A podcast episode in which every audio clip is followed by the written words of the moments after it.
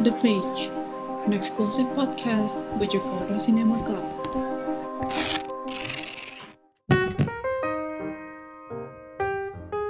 Nah, ketemu lagi di Jakarta Cinema Club Podcast.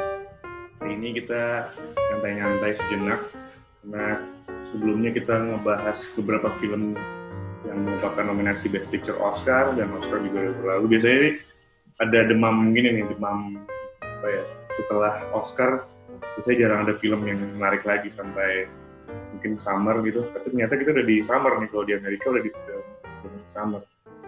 Jadi well, topik hari ini kita bakal membahas beberapa film Mortal Kombat Special. kita bakal membahas satu dua film yang kita tonton minggu terakhir ini buat pemanasan di topik-topik berikutnya. Ada gue Putra, ada Kinanti, ada Yus, ada Nadine, ada Kristo di sini nih. Untuk membuat sistem yang memaksa gue untuk menonton, gue siapin satu watchlist gitu per bulan yang harus gue tonton. Jadi ada Terms of Endearment atau tahun 83 mungkin ada yang tahu itu kayaknya 6 Best Picture Oscar gitu. Kemudian ada filmnya Jason Reitman tahun 2014 When Men, Women, Children. Terus ada yang bakal gue bahas mungkin One From The Heart nih. Surprisingly coming from Francis Ford Coppola tahun 82 Oh, itu Nah, film yang musikal ya? Salah. musical terus ada The Father gue nonton juga. Mungkin karena terlalu banyak dibahas gue jadi kayak less surprise gitu ya. Terus uh, Sucker Punch. Sucker Punch gila sih. Ah, gila itu. I'm speechless. Terus ada ada Little Weapon nih. Lit- Little Weapon dari dulu gue ternyata belum nonton. Tahun 87 Wow, nih. oke. Iya. Coba. Yang pertama. Yang pertama? Ya gue bakal lanjut lah terus nih sama yang terakhir eh, ini gue ngikutin hype aja sih sama pure nostalgia Mortal Kombat specifically gue bakal ngebahas tuh. iya highlightnya lah pasti Ya, that's awesome. dari poster juga Langsung gue- sign up 5 kontrak deh, 5 film. eh, lima film Mortal Kombat Ya, Iya. wow sedang main tebak-tebakan uh, gajinya berapa ya? sebelum muncul di Forbes.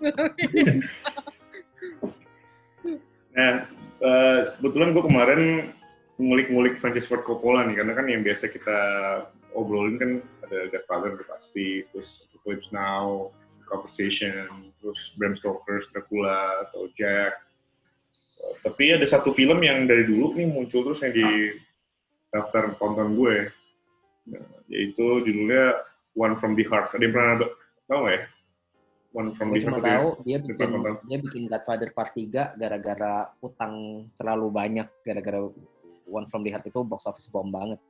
Iya, Dia bikin Godfather 3 buat bayar utang dari film itu. Tapi iya. gue nggak bisa nonton sih. Cuma dia kayak si Coppola itu kayaknya dulu siapin proyek itu sebagai his biggest project gitu sih.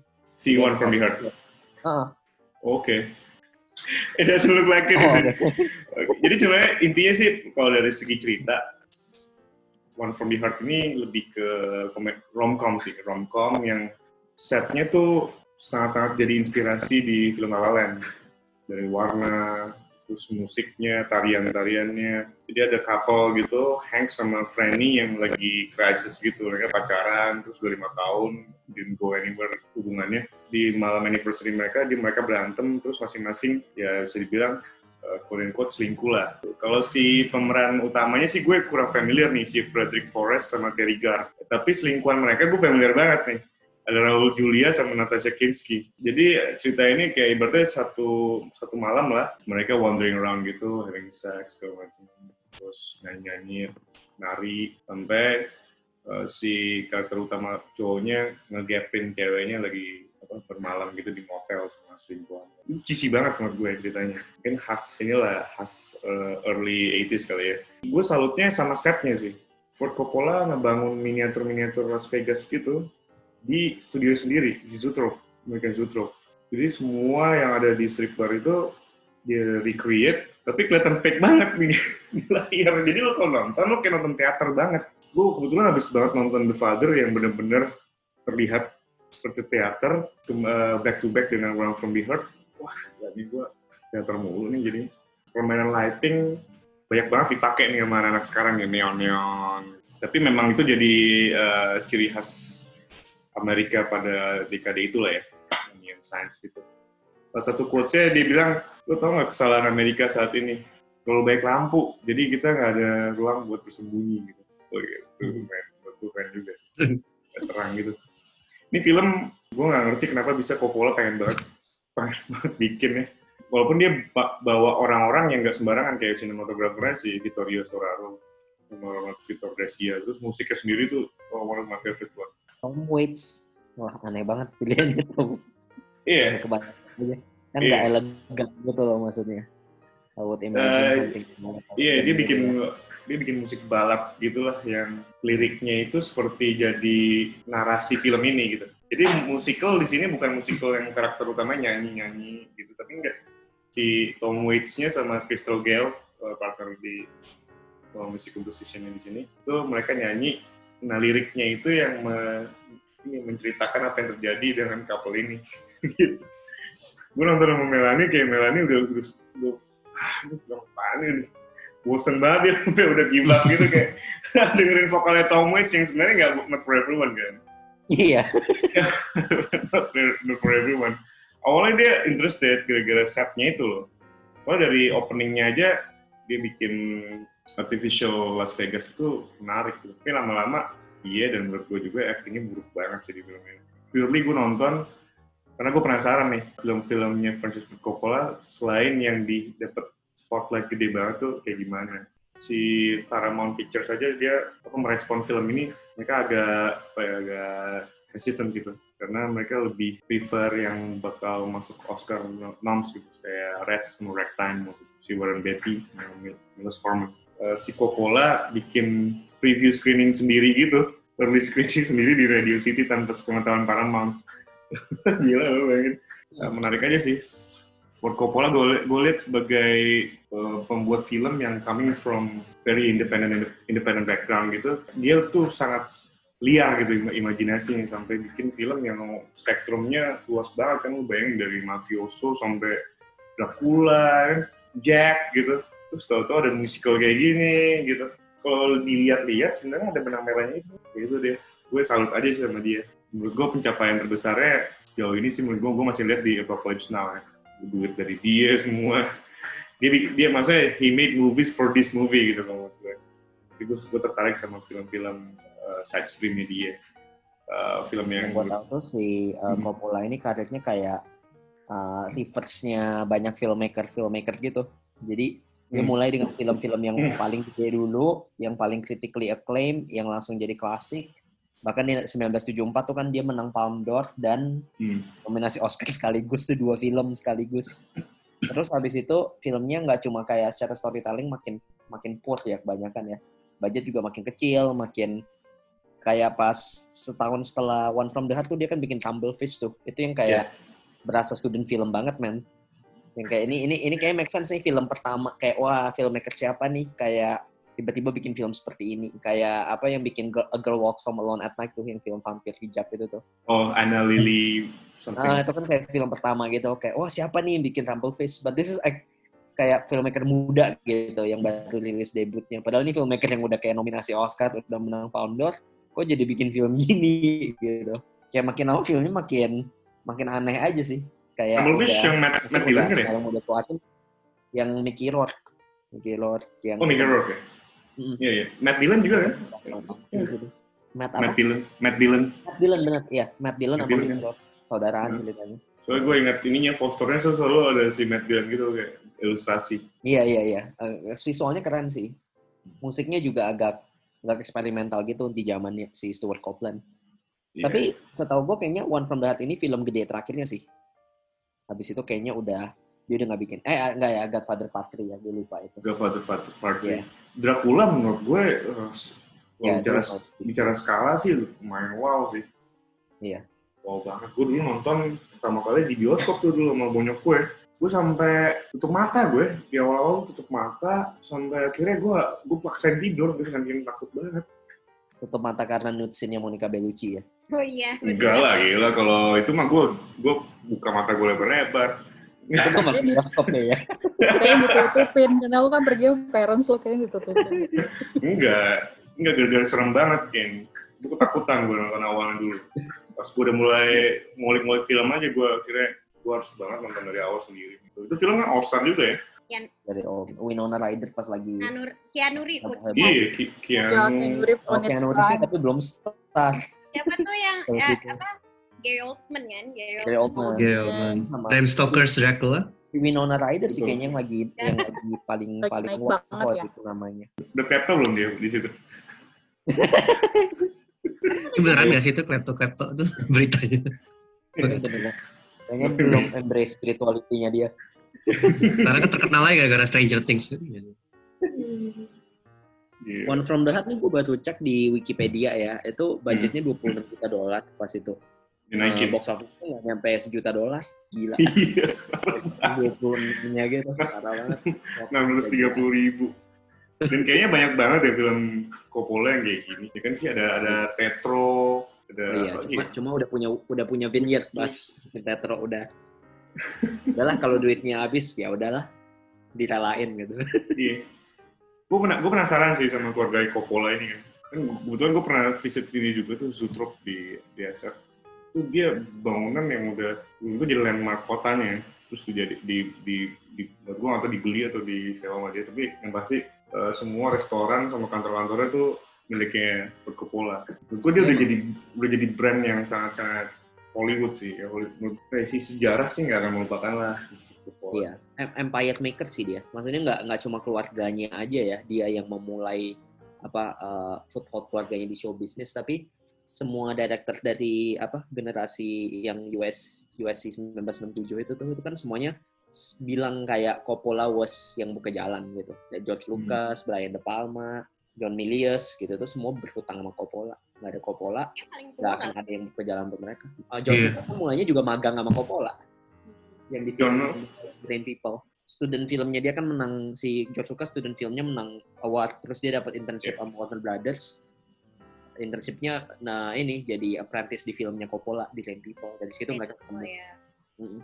Dia emang dia the first the first banget ya yang director yang dikasih kesempatan bikin Hollywood movie gitu in the 60s. gue selalu punya rasa cinta tersendiri sama New American Cinema nih. Sangat cowok ya. Iya sih, jarang jarang Sangat Nggak sih, Bu. kayaknya nggak ada deh direktur cewek di era itu ya. Kalau French New Wave masih ada. Iya, ada Farda.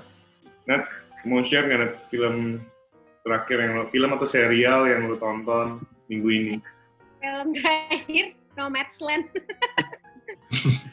Nat, Nom Nomadland yang bukan, eh, Nat bukan Nomadland. Nomadland. Nomadland. Nomadland. Tapi nomad Semua. banget juga sih. Lo mau diprotes sama orang-orang ini nomad? Gue suka sih, gue suka banget. Nah, waktu itu eh, sebenarnya ini gue udah ngebahas baik panjang sama Yus juga sih. Gak tau kemarin itu.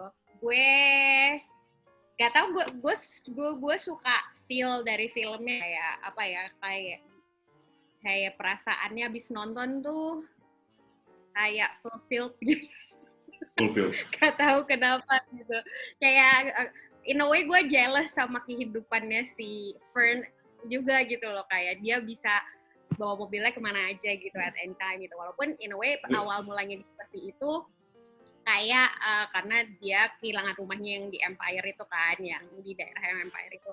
Cuman gue suka aja sih kayak komunikasinya tuh banyak banyak pembahasan tentang hidup sama satu sama lain gitu. And it seems very natural terus udah gitu kayak gerak geriknya dia kecil-kecil gitu. Kayak dia gue gue ngerti sih kenapa si uh, Francis menang gitu loh. Kayak gue ngerasa kayak kayak gue kenal aja Francis. Kayak gitu kayak apa? Grup WhatsApp.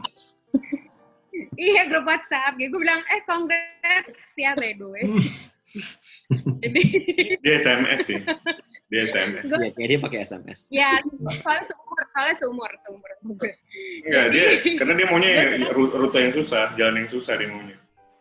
Oh, enggak juga sih. Gue gue suka gerak-geriknya dia tuh kayak apa ya, lagi pasti lagi ngomong dia merhatiin sesuatu. Gue ngerasa dia tuh detailnya banyak yang kayak gitu. Jadi kayak like she really makes the character Fern gitu. Fern tuh dia bener-bener dia tuh bukan Francis McDormand gitu loh di situ. Dia tuh Fern gitu loh. Jadi gue gue suka banget karakternya itu sih kayak banyak yang kecil-kecilnya itu. Dan in a way gue kayak kayak gue ngerasa hidupnya itu kayak kehidupan yang gue pengen sebetulnya kali ya. Yang you can just travel around. Terus kayak lo kayak ya ada beban sih lo harus cari kerja setiap kali. Cuman kayak lo nggak ada beban karir gitu loh. Kok gue curhat ya? Gitu loh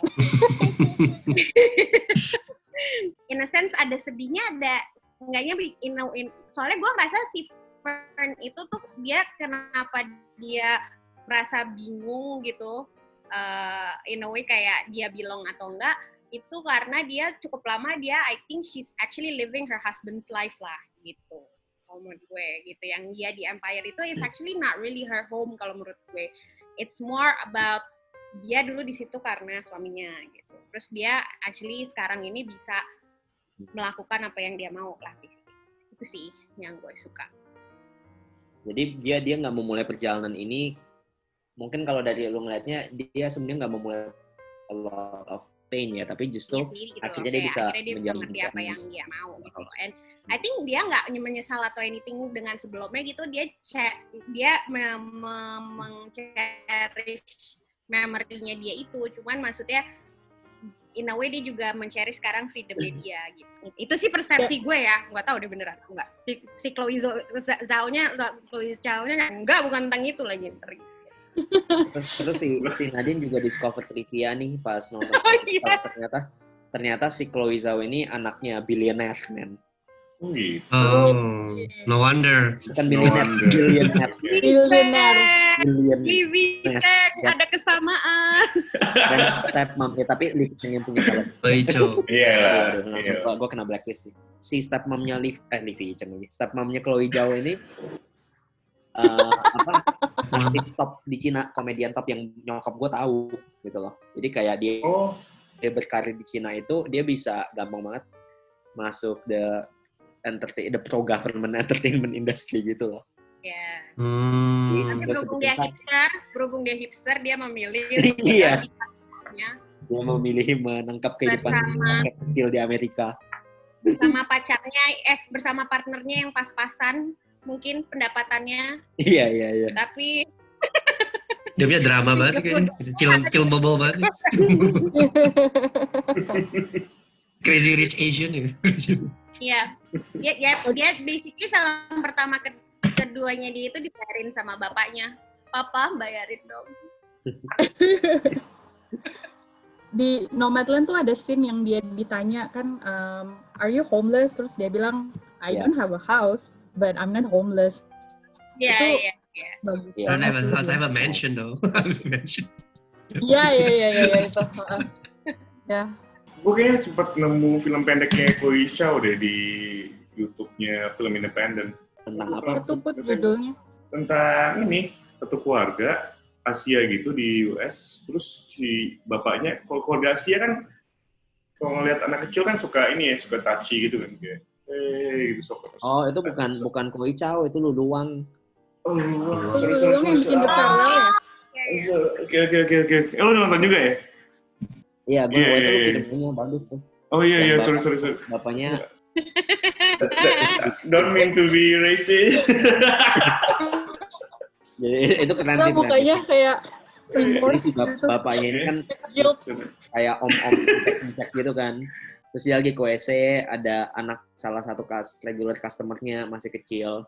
Terus ngeliat, wah udah gede tuh itunya. Terus Iya, dipegang-pegang. Oh yang itu. Betul betul. Mega. Ya waktu gue share di grup. Anaknya ngerasa di sexually abused itu kalau Iya. diambil. Iya, Di iya. seksualitas. Sorry, sorry. Bukannya gue merasa mereka mirip ya, tapi tapi tahu-tahu gue ingetnya itu aja. Tahu gue ingetnya itu aja. Nggak langsung merasa mereka mirip gitu. Jadi Nat, menurut lo Nomadland white ini ya, deserve ya to be to, to be best picture winner. Deserve to be best picture winner. menurut gue iya sih maksudnya gue so gue so far yang gue udah tonton yang best picture nominated kan eh, itu apa trial terus abis itu the father gue udah nonton terus Judas. eh apa lagi sih oh Judas and the Black Messiah gue juga suka banget terus eh Trial of Chicago. Seven.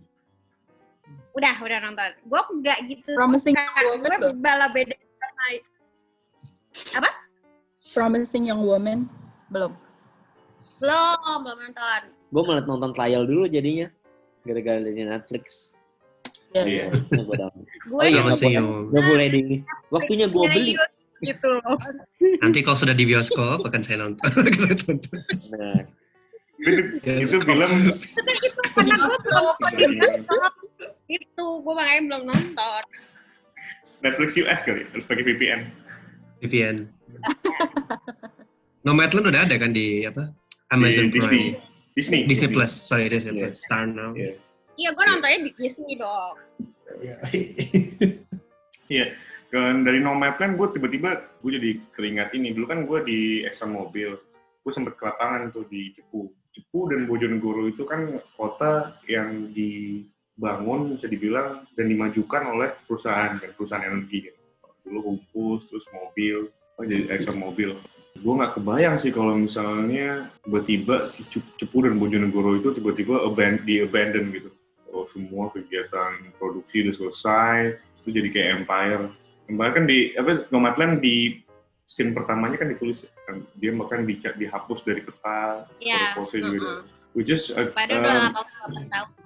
iya, artinya mereka udah nggak punya identitas lagi kan.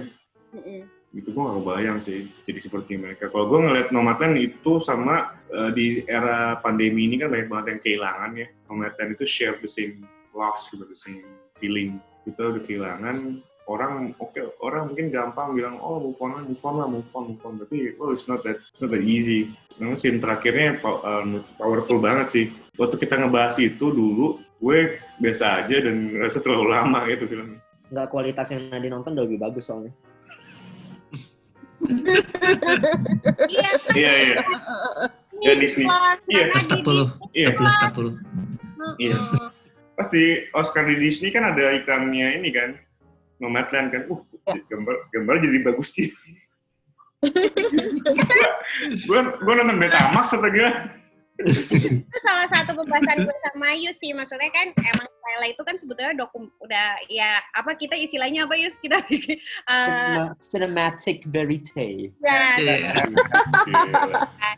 cuma maksudnya tapi gue ngerasa kayak secara secara sinematografi itu masih bagus banget gitu loh menurut gue. Dia masih mikirin itu dan itu gue appreciate sih menurut gue juga kayak gue nggak bilang yang maksudnya yang verite verite itu bakalan nggak nggak nggak bagus juga. Ada yang Iya. bagus gitu tapi menurut gue itu membawa mood membawa mood dari filmnya and I think it it gives the feeling of the character juga. Jadi emang support karakternya juga gitu.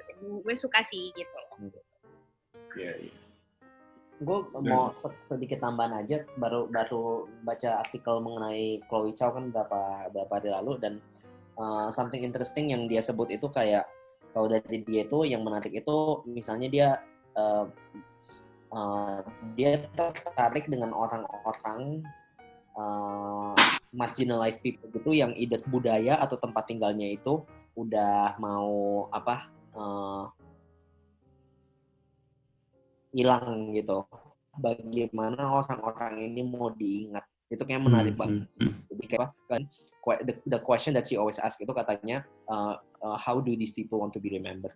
Jadi itu kayak kayaknya itu point satu point of view yang mungkin uh, ada di semua filmnya gitu. Gue belum nonton sih film-filmnya, cuma menarik. Lebih menarik lagi, next movie-nya itu dia akan ngedirect salah satu MCU kan? Iya. Oh. He is the first Oscar winner. Eternals bukan? Iya, The Eternals wah, Eternals. wah. Katanya juga eh, Eternals itu cukup banyak membawa stylenya juga. Jadi banyak syuting on location. Mungkin Ya. stylenya bisa jadi akan ada yang ala-ala verite-verite gitu juga. Karena kan eh, MCU pernah ada film kayak filmnya Russo Brothers kan Captain America Winter Soldier gitu kan dulu Action, gitu stylenya. Ah, Ya. ah, handheld handheld semua. Jadi it's not out of the question sih. Mereka kan biasa embrace strength dari directornya juga. Ya, Jadi, giving a different flavor ya buat semua film-filmnya. be- beda sama Warner Brothers sih yang akhirnya director-director blockbuster semua gitu kayak Zack Snyder, kayak Iya, basically kan itu Snyder first harusnya. Snyder first. Iya iya, it's basically Iya. Snyder. Oh, Ical cocoknya di DC loh. Gitu ya, sebetulnya ya, Iya. kalau tema-temanya gitu ya. Oh iya, Iya. iya. Tapi kan akhirnya DC nggak berhasil mengembrace the social realism-nya yang tadinya awalnya mau maunya ke arah situ kan di Man of Iya. Steel. Nah, Tetap aja jadi Hmm. ya kayak MCU wannabe juga ya kira. Kita lanjut ke Advan nih. Evan dengan background Pak Is yang lagi kerja.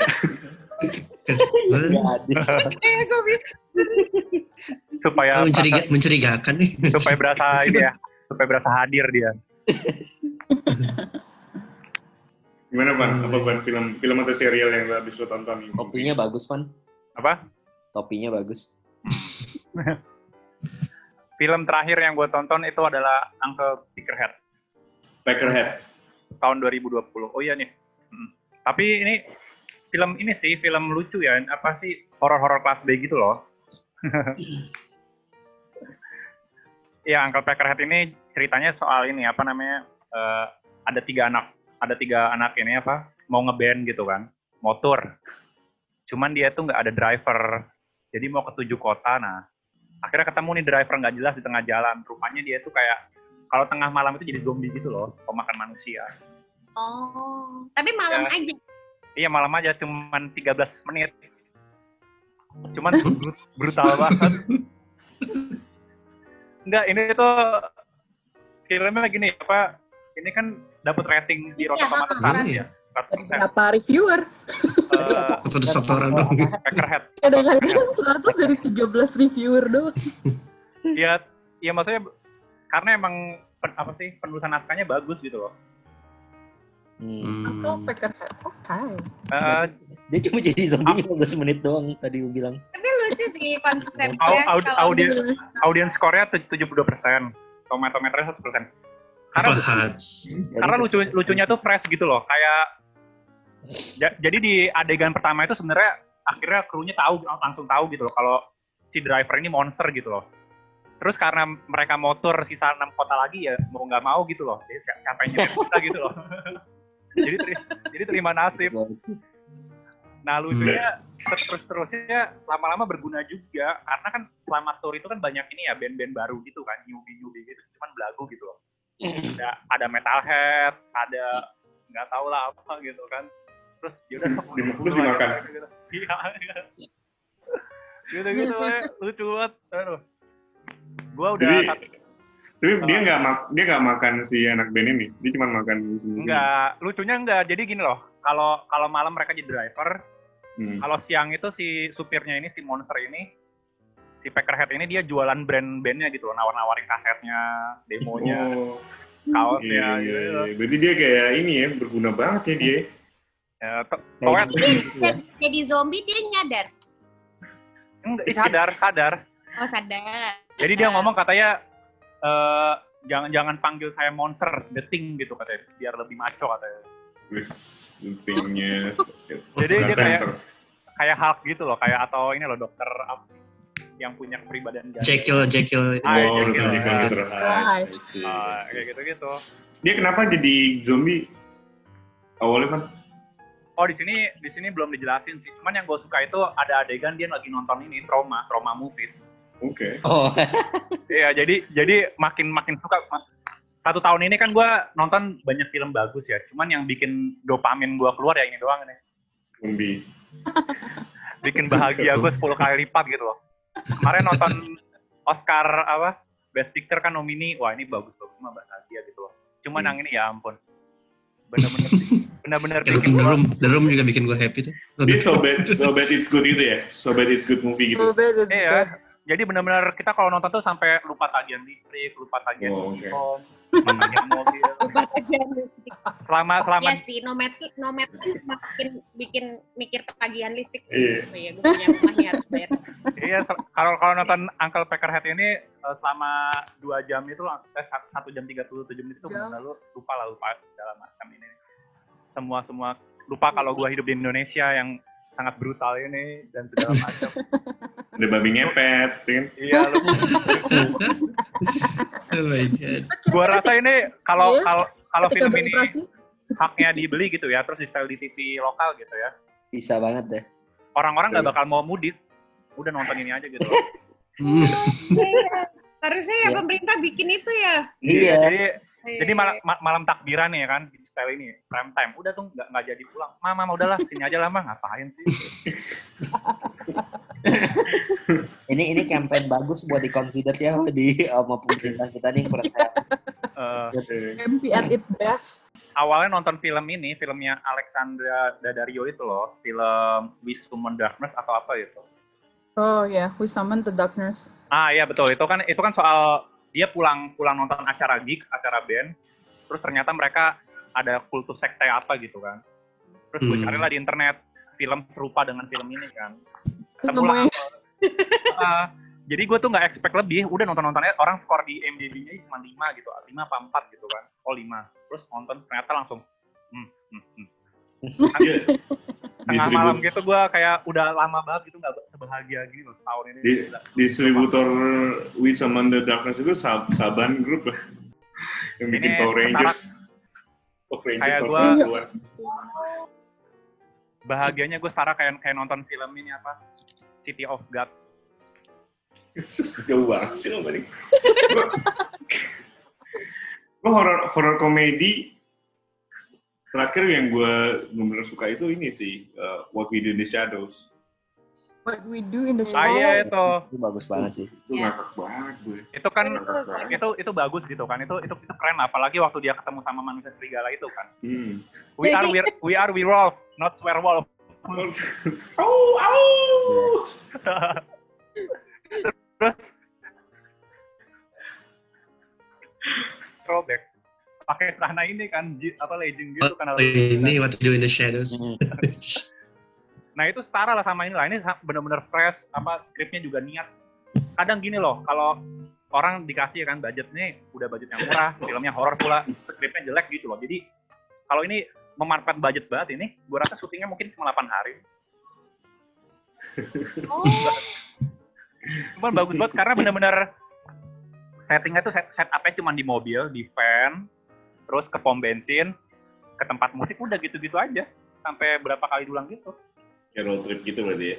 iya road trip kan karena karena ini kan karena tour kan. Ini lucu banget sih. Sebenarnya jadi musiknya bagus sih. Apa musik band ini ya? Di ada original musiknya sendiri sih. Terus eh, karakternya tuh tiga orang kan dua cewek vokalnya cewek eh, terus eh, basisnya itu cowok metal serem tapi hatinya lembut gitu dan gay. Pokoknya terus satu lagi tomboy kayak malas hidup gitu loh. Kayak setiap ada kesempatan misalnya dipuji nih band kamu bagus. Temennya ini skeptis banget orangnya langsung ngomong gini please jangan berani mimpi men dunia ini kejam. Sedetik kemudian mimpi kita bisa terus di- diingetin terus. Padahal selama film tuh bahagia terus bandnya asik dikasih duit banyak. Tapi temannya skeptis langsung ngomong gini terus pokoknya jangan pernah percaya sama yang lu lihat. Dunia ini nggak bisa bahagia. Gitu-gitu terus. Di party jadi kalau kita kayak nonton South Park gitu loh karakternya gitu loh South. Oh, South Park. oh seru sih. Iya. Kayaknya Itu seru. ya yang yang bikin seru itu gitu loh. Jadi kan mereka bertiga ini kan cabut dari kerjaannya kan. Ada yang kerja dari di kafe dan segala macam cabut ngejar mimpinya. Nah cuma tiga orang ini kayak kartun gitu. Apa sih cara cara ngomongnya gitu loh? Apakah kamu ingin Hmm. jadi supir aku?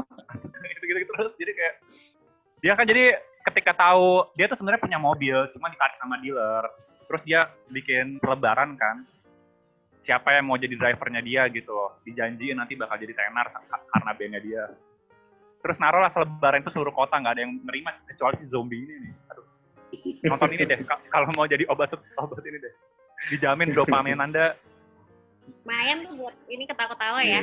Nah, Oke. kita uh, jadi kalau misalnya ada tuh loh kayak kayak apa sih kayak film Train Spotting itu dijelasin kan eh sex is good gitu tapi kal kalian 100 kali dan itulah apa namanya rasanya pakai heroin gitu loh nah kalau ini film ini mungkin setara itu Baiklah, oke. Rekomennya Iya, rekomend. Ini film saking indinya nggak di review sama Indie Wires. iya Tapi satu tahun terakhir film komedi apa ya nggak yang bisa bikin ketawa gitu jarang ya. Enggak. yang Itu sih. Dolomite is my ini. name kalau gue. Oh, lumayan is my name. Itu Iya. Itu bukan Wah, 2019 ya? Ah, itu masuk Adam, itu masuk crazy world loh Dolomite Iya. itu filmnya Andy Samberg loh yang apa yang wak- yang kayak Oh, iya, Groundhog. Day itu. Oh, oke oke oke. Nih, Palm Itu. Springs ya. Palm, Palm Ya, Springs. Palm Springs. oh iya ya Kayaknya gue penasaran sih bukan nonton juga. Oke, Groundhog Day kan kata si Pais ya. eh podcast kita pernah bahas komedi gitu nggak sih khusus komedi Belum, belum. Iya, belum Belum ini ya? ya. Eh, pernah sih? secret, secret movie pernah, secret movie yang Hmm. Tapi Hmm. Dark comedy ya, secret movie. Iya. Iya. Mortal Kombat cukup lucu sih. Mungkin, cringy banget. kita ke Yus dulu deh. Nih, gimana Yus? Ya, ya, film, ya, ya, film ya. yang lo tonton minggu ini apa Yus? Mungkin uh, spesifik ke Mortal Kombat aja kali ya? Ya bisa. Ya. Jadi yang salah satu film yang gue nonton kebetulan Joe Taslim. Mortal Kombat. Gimana Eh, Yus? Nontonnya di sela-sela kerjaan, dicicil tiga sesi btw. What? Menafiknya ya. Aku nonton sedikit-sedikit. Iya. Saking berat, saking berat. Berat. Jadi em, gimana ya? Eh, emang gue lebih prefer film yang original sih, yang Paul W.S. Anderson ya. Dan. Paul yang, yang jujur aja film Paul W.S. Anderson, it's not a good film gitu. Iya. Tapi eh, eh, it embraces all the campiness gitu ya, Hmm. dengan musik rave-nya yang norak abis. Iya. Maksudnya kayak film itu dibikin saking noraknya sampai jadi ikonik. Kalau yang baru agak terlalu serius sih. Em, Iya. terus yang satu hal yang gue nggak suka banget itu pacingnya sih menurut gue berantakan banget. Karena eh, eh bentar ya, bentar sorry. Oke, datang. Jadi gue yang teruskan dulu. Oke. Ya Mortal Kombat. Gue agak terganggu sama si Kung Lao sih. Badannya sama mukanya, badannya sama mukanya nggak nyambung. Oh, bukan Cole ya? Cole tuh kayak buat apa sih dia ada di situ? Kalau tuh kayaknya buat jadi kita, jadi kayak audiensnya itu loh buat kasih eksposisi, dikasih Oh. dikasih eksposisi. Ibarat call tuh kita gitu yang nggak pernah nonton Kombat sama Oh, pasti sekali. call-nya, iya iya. iya. Uh, jadi orang-orang tuh semua karakter itu dia ngasih tahu call eh, ini loh ini loh jadi kayak Oh jadi iya, ibaratnya iya, audiens iya. yang belum pernah tahu Mortal Kombat gitu. Padahal kayak fungsinya calls. lain banyak banget kan. Kayak tour gitu ya, ini jelasin. Iya. Nah, aja tuh kalau nulis skrip, kalau misalnya kita pengen jelasin eksposisi plot kan, Iya, bisa iya. cari karakter yang nanya-nanya gitu. Ah, ini apa Iya, sih? iya. Ini apa sih? Gitu. Terus katanya si Cole nggak pernah main Mortal Kombat pas kecil. Aneh. Gue mainnya Dota. Gue mainnya Dota. Kalau kalau dari gue? Baik lagi tiga hal ya yang paling annoying ya dari film ini. Satu itu pacingnya ya. Jadi filmnya kayaknya uh, uh, on one hand rasanya buru-buru banget mau pindah dari satu adegan ke adegan lain. Tapi total-total durasinya panjang loh gitu, dua jam. Jadi buru-burunya nggak efektif gitu. Gue ngerasa kan emang direkturnya ini dulu direktur iklan dan iklan-iklan yang dia bikin emang gokil banget sih. Gue gua pelajarin juga portfolionya gitu. Cuma kayaknya uh, kalau nggak salah dia pernah bilang di interview dia mau pack as much in the film as kayak eh, biar se- setiap menitnya itu feels like a 60 second commercial gitu. Oke, well that's such a bad idea. Jadi kayak cutnya cepet banget, kayak adegan-adegan itu cuma cut, cut, cut, cut, cut, lewat, cut, cut, cut, cut, lewat, kayak tiba-tiba kalau udah Iya. rumah, tiba-tiba udah diserang. Goro aja, eh Goro udah mati. Eh, spoiler ya, eh tapi nggak apa-apa deh, kayaknya nggak nothing but Spoiler, spoiler. spoiler alert. Iya, Bak- Bakal mati juga pasti yang jahat kan. iya, kan jahat juga gitu. Cuman banyak karakter-karakter ikonik yang menurut gua tuh eh, harusnya terakhir-terakhir ya kayak banget, uh, kayak uh, Goro-Goro gitu kan, maksudnya spoiler alert kayak misalnya dia dia kan harusnya kayak big boss final boss ya kalau di game ya. Dia sama nunggu yang terakhir kuat banget deh pokoknya. Dia dibunuh sama random guy gitu. Kayak, kok ya random baru guy. mulai, baru mulai. Random guy who hasn't played Mortal kan- Kombat.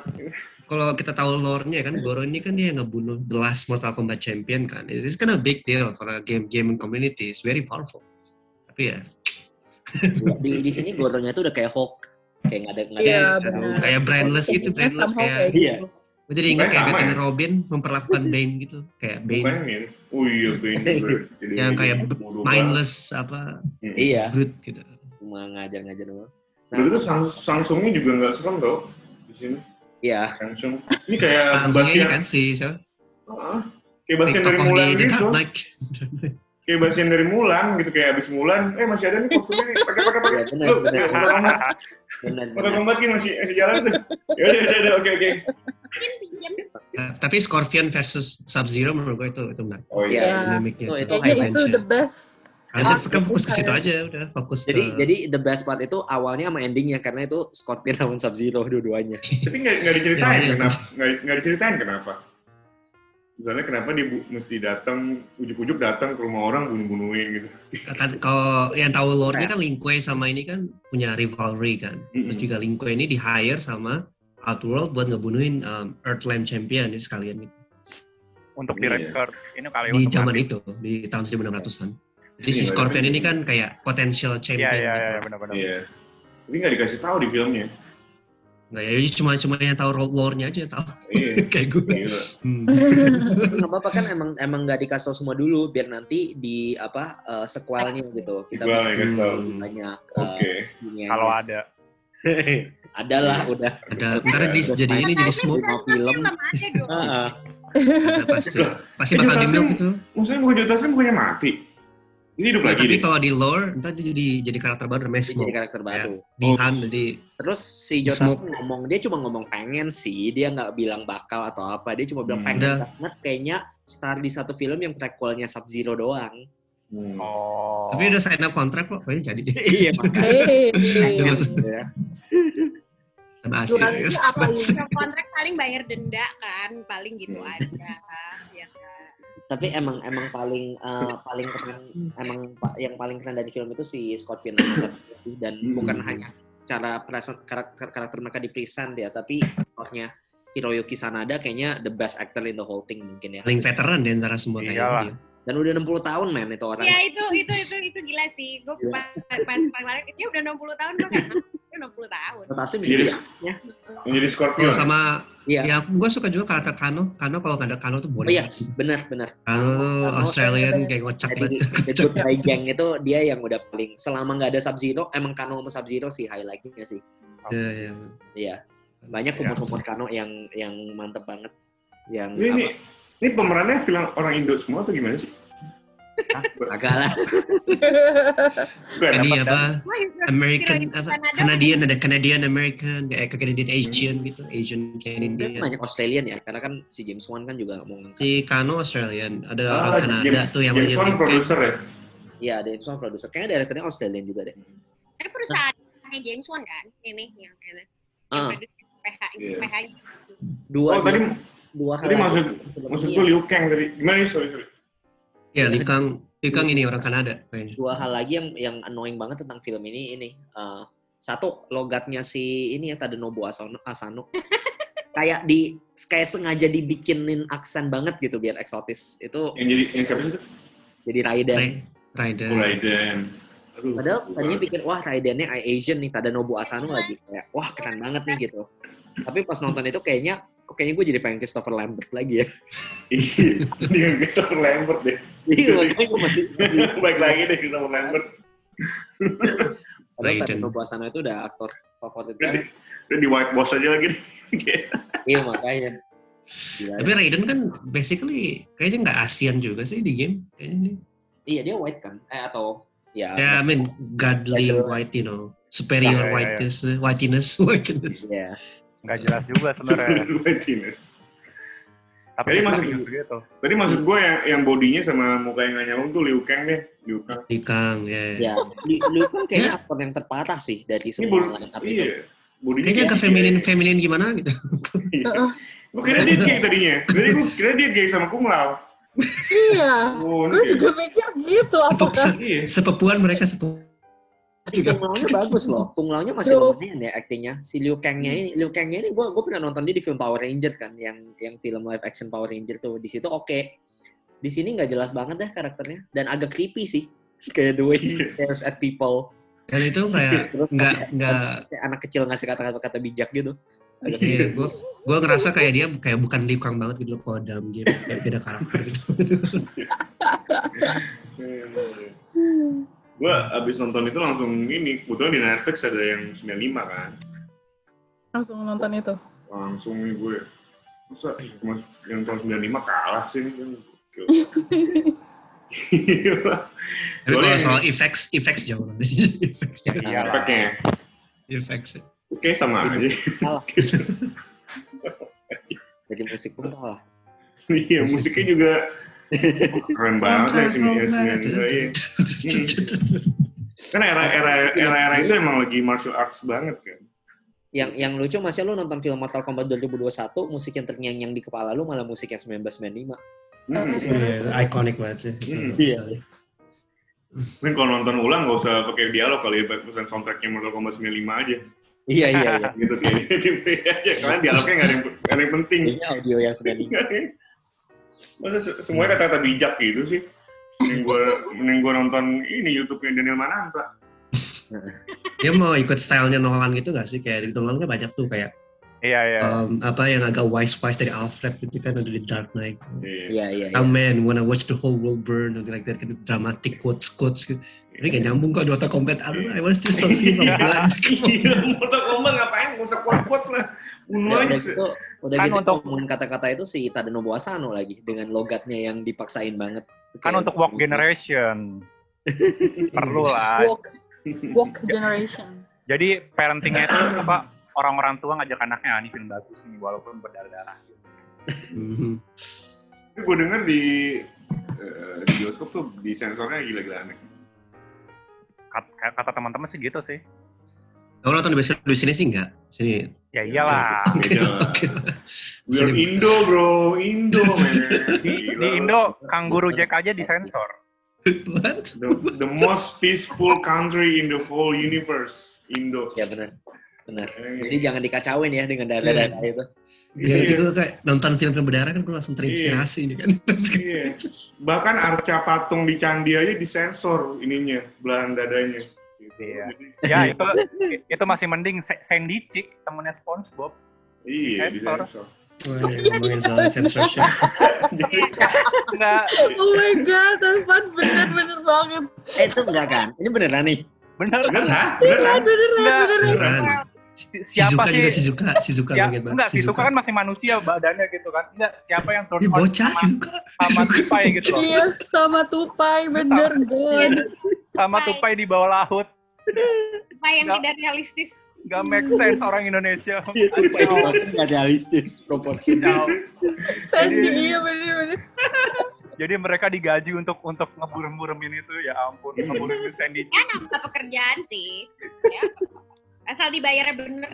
Iya Itu tapi briefnya gimana ya pas nyensor si Sandy itu gimana ya dia saya, saya merasakan ini apa eh, lihat-lihat kartun ini saya merasa Iya. sesuatu gitu. Ini nggak beres. tapi nggak nggak nggak Sandy Chick dulu mulut apa nggak nggak Sandy Chick juga kali. Oh mungkin Iya. Yang sensor yang yang yang yang bilang harus sensor mungkin ini uh, terpicu gitu dengan Sandy. iya iya ya mungkin dia apa, fu- fu- furry mania ya. iya Furry. mungkin dia punya akun Reddit kan terus furry. furry. oh my god. Lama-lama semua karakter perempuan di blurin gitu. Iya. Nggak tahu sih gue udah udah lama sih nggak nggak nonton TV lokal. Eh, gue nonton film apa gitu ya dulu di Trans TV gitu kayak ada ngerokok kan terus disensor mukanya nggak kelihatan Iya, jadi yang rokok Iya. juga. Oh, Nggak God. lama-lama disensor kecuali mukanya. Iya. Seka- sekarang tuh TV kalau misalnya ada adegan berdarah langsung black and white gitu Itu loh. baru proper. Noir-noir gitu. Jadi setiap ada adegan berdarah di, jadi noir. Ya. Hitam putih gitu. Kita kalau kalau nonton gitu waktu zaman anak-anak kampus gua kan kalau lagi istirahat gitu di kantin, weh weh weh film noir, film noir, art house nih art house. adegan berdarah. Terus nanti abis adegan berdarahnya lewat gitu kan berwarna lagi gitu. Keren itu art house itu. Itu kayak filmnya ini dong, film yang Tarantino yang Kill Bill. Iya. gitu. Hmm. Hmm. Uh, Iya Tapi, kayak Tarantino eh, gitu. Tapi kalau urusan sensor ini, menurut gue agak nggak fair ya kalau dari sisi penonton lo udah bayar mahal ke bioskop. Iya kalau di bioskop ya. Iya, ke bioskop udah bayar mahal, tapi lo nggak dapet sesuatu yang, yang sebenarnya di menjadi niat si Atau- filmnya. Atau nggak apa-apa sih begitu cuman bioskop nyediain gitu loh ini yang untuk sensor gitu yang Ya, berbahaya anak kecil Harusnya tuh ada ID check-nya itu kan kalau udah R18 ya gimana masa kita Iya, masa udah bang udah bangkotan datang ke bioskop gitu misalnya, Masih tetap disensor. cuma disensor ya. terus disensor juga, Nggak, ada belahan ada belahan dada. bener juga ya di meskipun udah disensor ya adegan berdarah-darah ya tapi anak-anak muda di sini tetap tawuran coba jadi Iya. film itu nggak film itu nggak mempengaruh sih Ya harusnya kalaupun mereka mau larang ya itu ID check itu kan mau beli tiket ID check Iya. atau pas masuk itu. iya iya dulu gua gitu tuh jadi nggak boleh nonton film The Dark Knight yang kedua tuh Iya. 2008 ke bioskop belum punya KTP kan? Oh maaf deh nggak nggak boleh nonton deh ini terlalu sadis. Ya. Nggak CS nggak CS hu. Berarti SB, SBY lebih baik dong ya, zaman SBY ya. oh gitu. Enggak juga waktu itu ingat nggak? Kita pernah nggak ada film sama sekali di era SB nggak ada film masuk bioskop. Film ini keluar nggak ada yang masuk ingat nggak? Pada zaman itu udah 10 Eh, ya sedikit sedikit banget. Zaman Iya, SBY gue sengsara banget nggak gue. lagi nggak di Indo ya. Iya nontonnya suster keramas gitu gue aduh itu keluar masuk ke Indo gitu sempet nggak boleh ya? Sempet nggak sempet kan jadi Sempet, kayak film-film luar Waktu itu itu kayak nggak bener-bener bisa masuk. Kata Mas Kristo benar tuh. Waktu itu ada tuh film namanya Pulau Hantu ya. Itu pendapatnya sampai 7 miliar atau berapa tuh saking karena nggak ada film saingan barat. Wow. Film barat nggak ada yang masuk jadi pas kita Coba deh cari Google deh. Itu sempat sempat jadi film terlaris ini ya. loh. Pulau Yang Hantu film- yang main Tamara Blazinski itu Iya iya benar iya benar. Oh itu yang yang itu pertama. yang air terjun itu air terjun. Iya, Air Terjun ya. nonton di bioskop. Gue nonton di bioskop juga tuh. Nonton kan wah kacau. sensor juga nggak but Gila. guys. Itu gadis. Gua sih Siapa yang nggak nonton di bioskop film itu? Enggak. Gua sih enggak sih. Gua sudah sudah dilatih da- dari dari kecil nonton film bagus di bioskop. Enggak mau nonton film gitu. Air, air terjun pengantin tuh By, exception. by the way, plotnya nih ya, Dante, Nero, Abel, Mario, Meryl, Radela, Alicia, dan Tris. Banyak banget ya. Dan namanya tuh, ya namanya. namanya kayak no Indonesian punya nama Dante gak sih Dante. Dante Alighieri ya. hidup gue di. Indonesia nggak pernah ketemu orang namanya Dante Iya iya iya. Keren banget. Dante Inferno. Dulu gua nontonnya itu tuh apa The Virgin tuh itu bagus tuh soundtracknya. Oh, The Virgin oke, The Virgin masih oke. Tapi gue suka banget Yang pertama ya. endingnya tau nggak gue the- yang yang yang Virgin itu kan? Virgin Iya, pertama. itu- bukan sih? gue sampai lupa Iya, endingnya iya. The Virgin gimana Nur- Yang nulis novel. Dhani ya? Sama Tulis sama novel. Sama Kan Dani kan? rilis, no, Hmm, rilis bukan, novel. bukan. Itu si Yang Ladia. Cynthia Bella bukan sih? Iya iya iya. ya iya. Radio Cynthia tuh Bella. Itu my first crush tuh. First crush. oh Spoiler, spoiler. And, Iya, ya. Dia cuma ngomong, ya saya masih virgin. Asik, tepuk tangan semuanya kan. Credit roll. Oh, Credit roll. kontrak, langsung. Oh oh oh, aku perawan gitu. Itu di, di bioskop tepuk tangan semua, Van. Di bioskop. Iya dong, tepuk tangan semua we. Enggak, kan dia tokoh utamanya kan suka sama cowok maco kan. Gue lupa aktor siapa gitu kan. Terus keringet dingin waktu dideketin. Kamu kenapa sih nggak mau deketin aku? Anu aku kecil. Wow. Aduh, Wow. nggak jelas, gue jelas. lupa sumpah Hari ini sangat berbabat ya. Itu sangat tidak realistik suka gitu. Sangat tidak realistik. Sangat tidak realistik. Gue pikir dia mau Kayaknya kayak, pernah ada pembicaraan gitu deh in real life. Gue pikir kayak tokoh moralis gitu loh, kayak Nicholas Saputra atau gimana gitu kan. Kamu kok Ternyata. aku? Ternyata, maaf, anuku kecil apa sih? Nggak Nggak ada yang ngomong gitu. Gila. Tapi itulah film. Aduh. Itulah film Iya. kan. tapi bagus lah The Virgin itu ngingetin gue film ini loh film tahun 90-an horor gitu cewek-cewek belajar belajar sihir gitu horor The, Craft the ya, Craft Craft ya. ya. The Craft. Craft ya kayak gitu tuh Drama tapi loh, Pan. bukan iya sumpah Ya, Tapi- Evan memba- dia membayangkan emang bukan apples to apples. Iya. harus Harus terbiasa. Dia Enggak, apples and orange. tunggu dulu ja- jangan dipotong dulu fe- se- segi fashionnya sama gitu loh copy paste Oh. banget fashion Heeh, segi fashionnya Fashion. Nah, Lu bandingin dari tadi bandingin fashion. nah itu kan Bandung kan settingnya di Bandung lagi Bandung The Craft cukup fenomenal sih dulu. The Craft. Iya, gue Iya. ingat gue jadi kayak, oh gue mau dong rambut gue bisa berubah gitu sih. Itu artinya ganti-ganti. Itu cita-cita gue. Itu era-era ini ya. Pas dia di TV-nya ada Buffy, hmm. ya kan? Oh, terus iya. ada Charm, Charm, ya, Charm. Charm. dan waktu The Virgin tayang di TV lokal itu belum ada sensor jadi kita nonton masih yang full gitu loh nggak ada yang Oh. potong-potong Oke. paling iklannya aja 20 menit kan kita udah udah lupa adegan sebelumnya dia ngomong apa ada ada Oh, berita waktu film Indonesia. um, film Indonesia yang nggak disensor tuh ada tuh yang Romeo dan Julietnya Indonesia tuh yang Persib Persija fansnya Persib. oh iya iya Gue nggak nonton. Jadi ada cewek dari Persib Persija, Persib. sama cowok dari Persib. Dan Juliet Indonesia, oh god. ya, ya, itu dan gue nonton itu di bioskop itu itu kan endingnya tuh romantis banget kan si si anaknya disuruh pakai baju Persija kan dia nonton di kandang Persija ibunya pakai baju Persib gitu mengajarkan perdamaian Nanti it's not gonna happen, right? Iya, it's not gonna happen. tau kok kalau di sini wah ngeri oh, gua gua waktu kuliah di Bandung aja, anak kecil pakai baju bunuh semua reject. Lu bayangin anak kecil. Nggak, gue ke Bandung nih 2014 kan kita kita lupa nyesuaiin pakai bahasa Indonesia gitu pakai bahasa Betawi gitu kan lu gue aja nih yang bayar langsung kayak 14 orang gitu anak SMA SMA ne- nengok ke belakang gila segitunya Ya, banget. itu itu benar banget. Itu gua SMP atau SMA gitu Iya. kayak SMA tuh apa kalau ngomong lu gue wah belagu lu, belagu banget. Iya, benar. beli beli beli Iya. nasi goreng kan di depan ITB kan waktu itu kan lagi ada bikin ini kan pasar seni ITB kan lagi bikin kita pakai bahasa Jakarta kan dari dipanggil Kang sampai dipanggil Bang gitu loh oh itu gitu Sa- saking tadinya dipanggil Kang kan silakan Kang masuk ke dalam Ke- kedengeran gitu ini Bang harga segini Bang Gitu. Keren lah Bandung lah suka gue menjajal ini ya menjajal adrenalin full The, the, the Jack mau aing. Sejak no aing. motor aing kumaha aing Kita lanjut dulu kali ya. Kita lanjut dulu ke Kinanti nih. Oke. Gimana Kin? Mau Eh, share film atau serial gue- terakhir yang lo tonton? ya, gue nggak nggak film sih. Gue banyak nonton. Nggak tahu kenapa gue repeat nonton Trial of Chicago lagi. Terus gue nonton Spotlight. Nggak tahu kenapa ya mood gue somehow menuju Lebaran. Terus em, akhirnya gue nonton True Crime eh, documentaries. Hmm.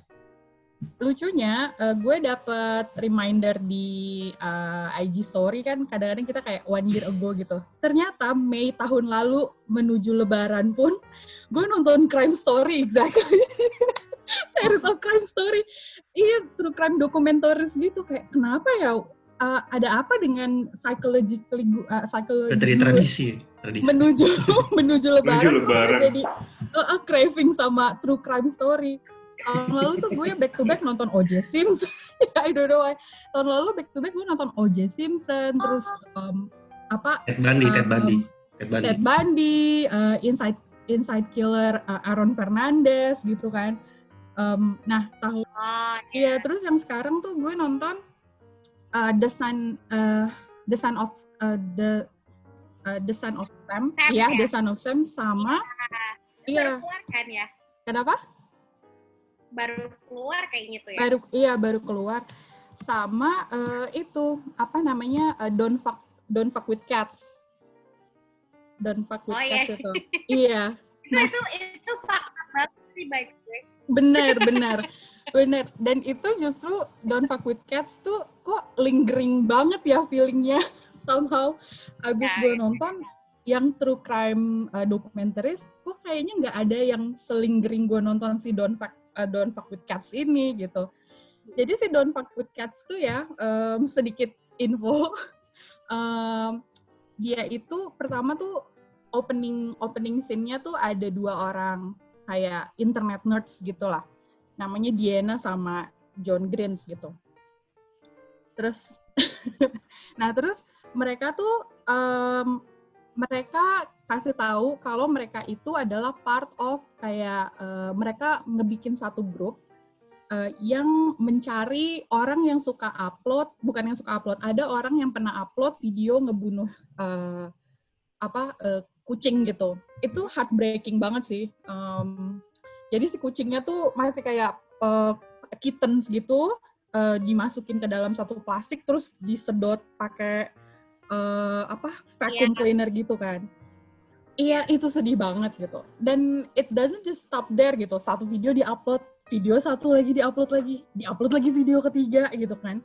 Dan di video ketiga tuh comes with warning kalau eh, gue nextnya akan ngebunuh eh, manusia gitu nextnya gitu kan.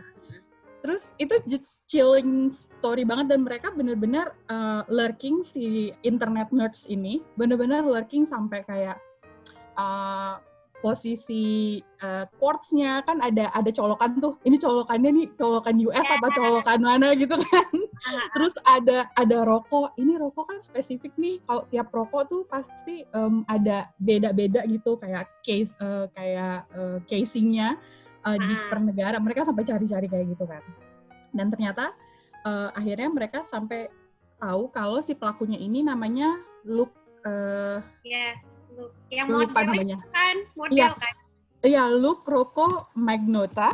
Iya, Terus iya. ternyata dia tuh eh, pas di googling ini orang kok ini apa namanya eh, terkenal banget gitu terkenal banget eh, banyak kayak eh, kayak eh, fan base-nya dia dan ternyata later on mereka tahu kalau ini tuh dibikin sama si Luke Ryota sendiri gitu kan Dan sadisnya, Filmnya. iya eh, bukan filmnya kayak ada kayak situs-situs fanbase-nya gitu loh. Oh, oke Situs oke oke. fanbase-nya itu itu Oh, dia yang bikin sendiri jadi dia Oke. create lagi akun-akun akun kayak gitu terus um, later on mereka nemuin akhirnya satu yang bikin yang bikin kalau kayaknya si Luke ini memang beneran I don't know kayak semacam sociopath gitu kalau menurut gue Uh, karena dia ada satu uh, dia bikin satu dia da, sempat datengin satu news uh, kayak kantor news gitu di Kanada terus dia bilang kalau dia bikin statement can you please help people untuk um, stop doing a death threats ke gue karena gue tuh bukan pacarnya si salah satu istri serial serial killer di Kanada gitu. Terus orang-orang pada mikir what kind of a person yang go out there making a statement gue nggak link sama serial killer gitu kan. Dan later on pokoknya ya lo harus nonton karena si eh, Luke Ryota ini beneran nge-upload eh, video di mana dia ngebunuh um, satu I think is a Canadian student juga namanya uh, Lin uh, Lin Hong Kong ya? Dari Hong Kong atau dari China gitu ya? Si itu dari ya? China, ah dari China. gue lupa namanya. Um, ya, dan itu horrifying banget karena memang betul-betul dikasih lihat dia ngebunuhnya uh, dan badannya tuh dimutilated gitu.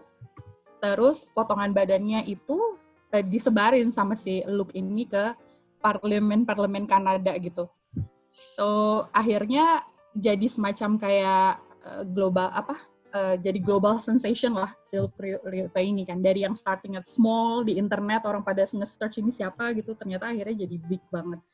I think yang paling bikin gue kenapa gue bilang iri sama uh, lingering feeling setelah nonton itu tuh uh, well spoiler alert ternyata cara dia ngebunuh victimnya ini itu adalah an homage uh, Ya. dari karena dia penggemar film so it's an homage dari film yang dia tonton gitu Hmm.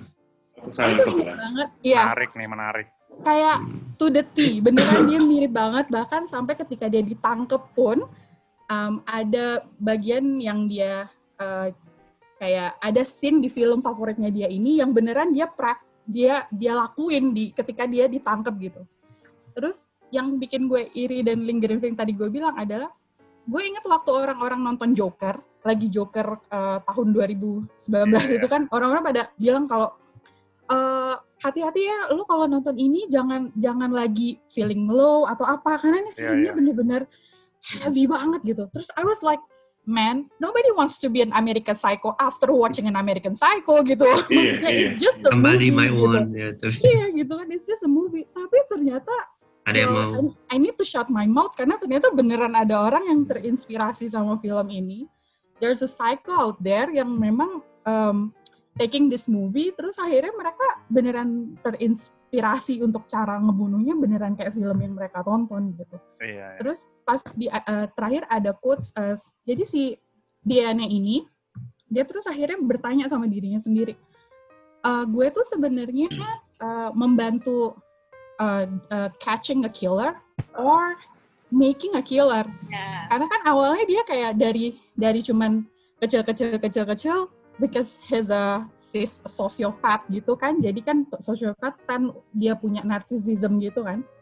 Akhirnya eh, jangan-jangan dia ngebantu untuk untuk si em, apa namanya si Luke eh, eh, untuk si Luke ini Yoka. akhirnya gain the fame gitu.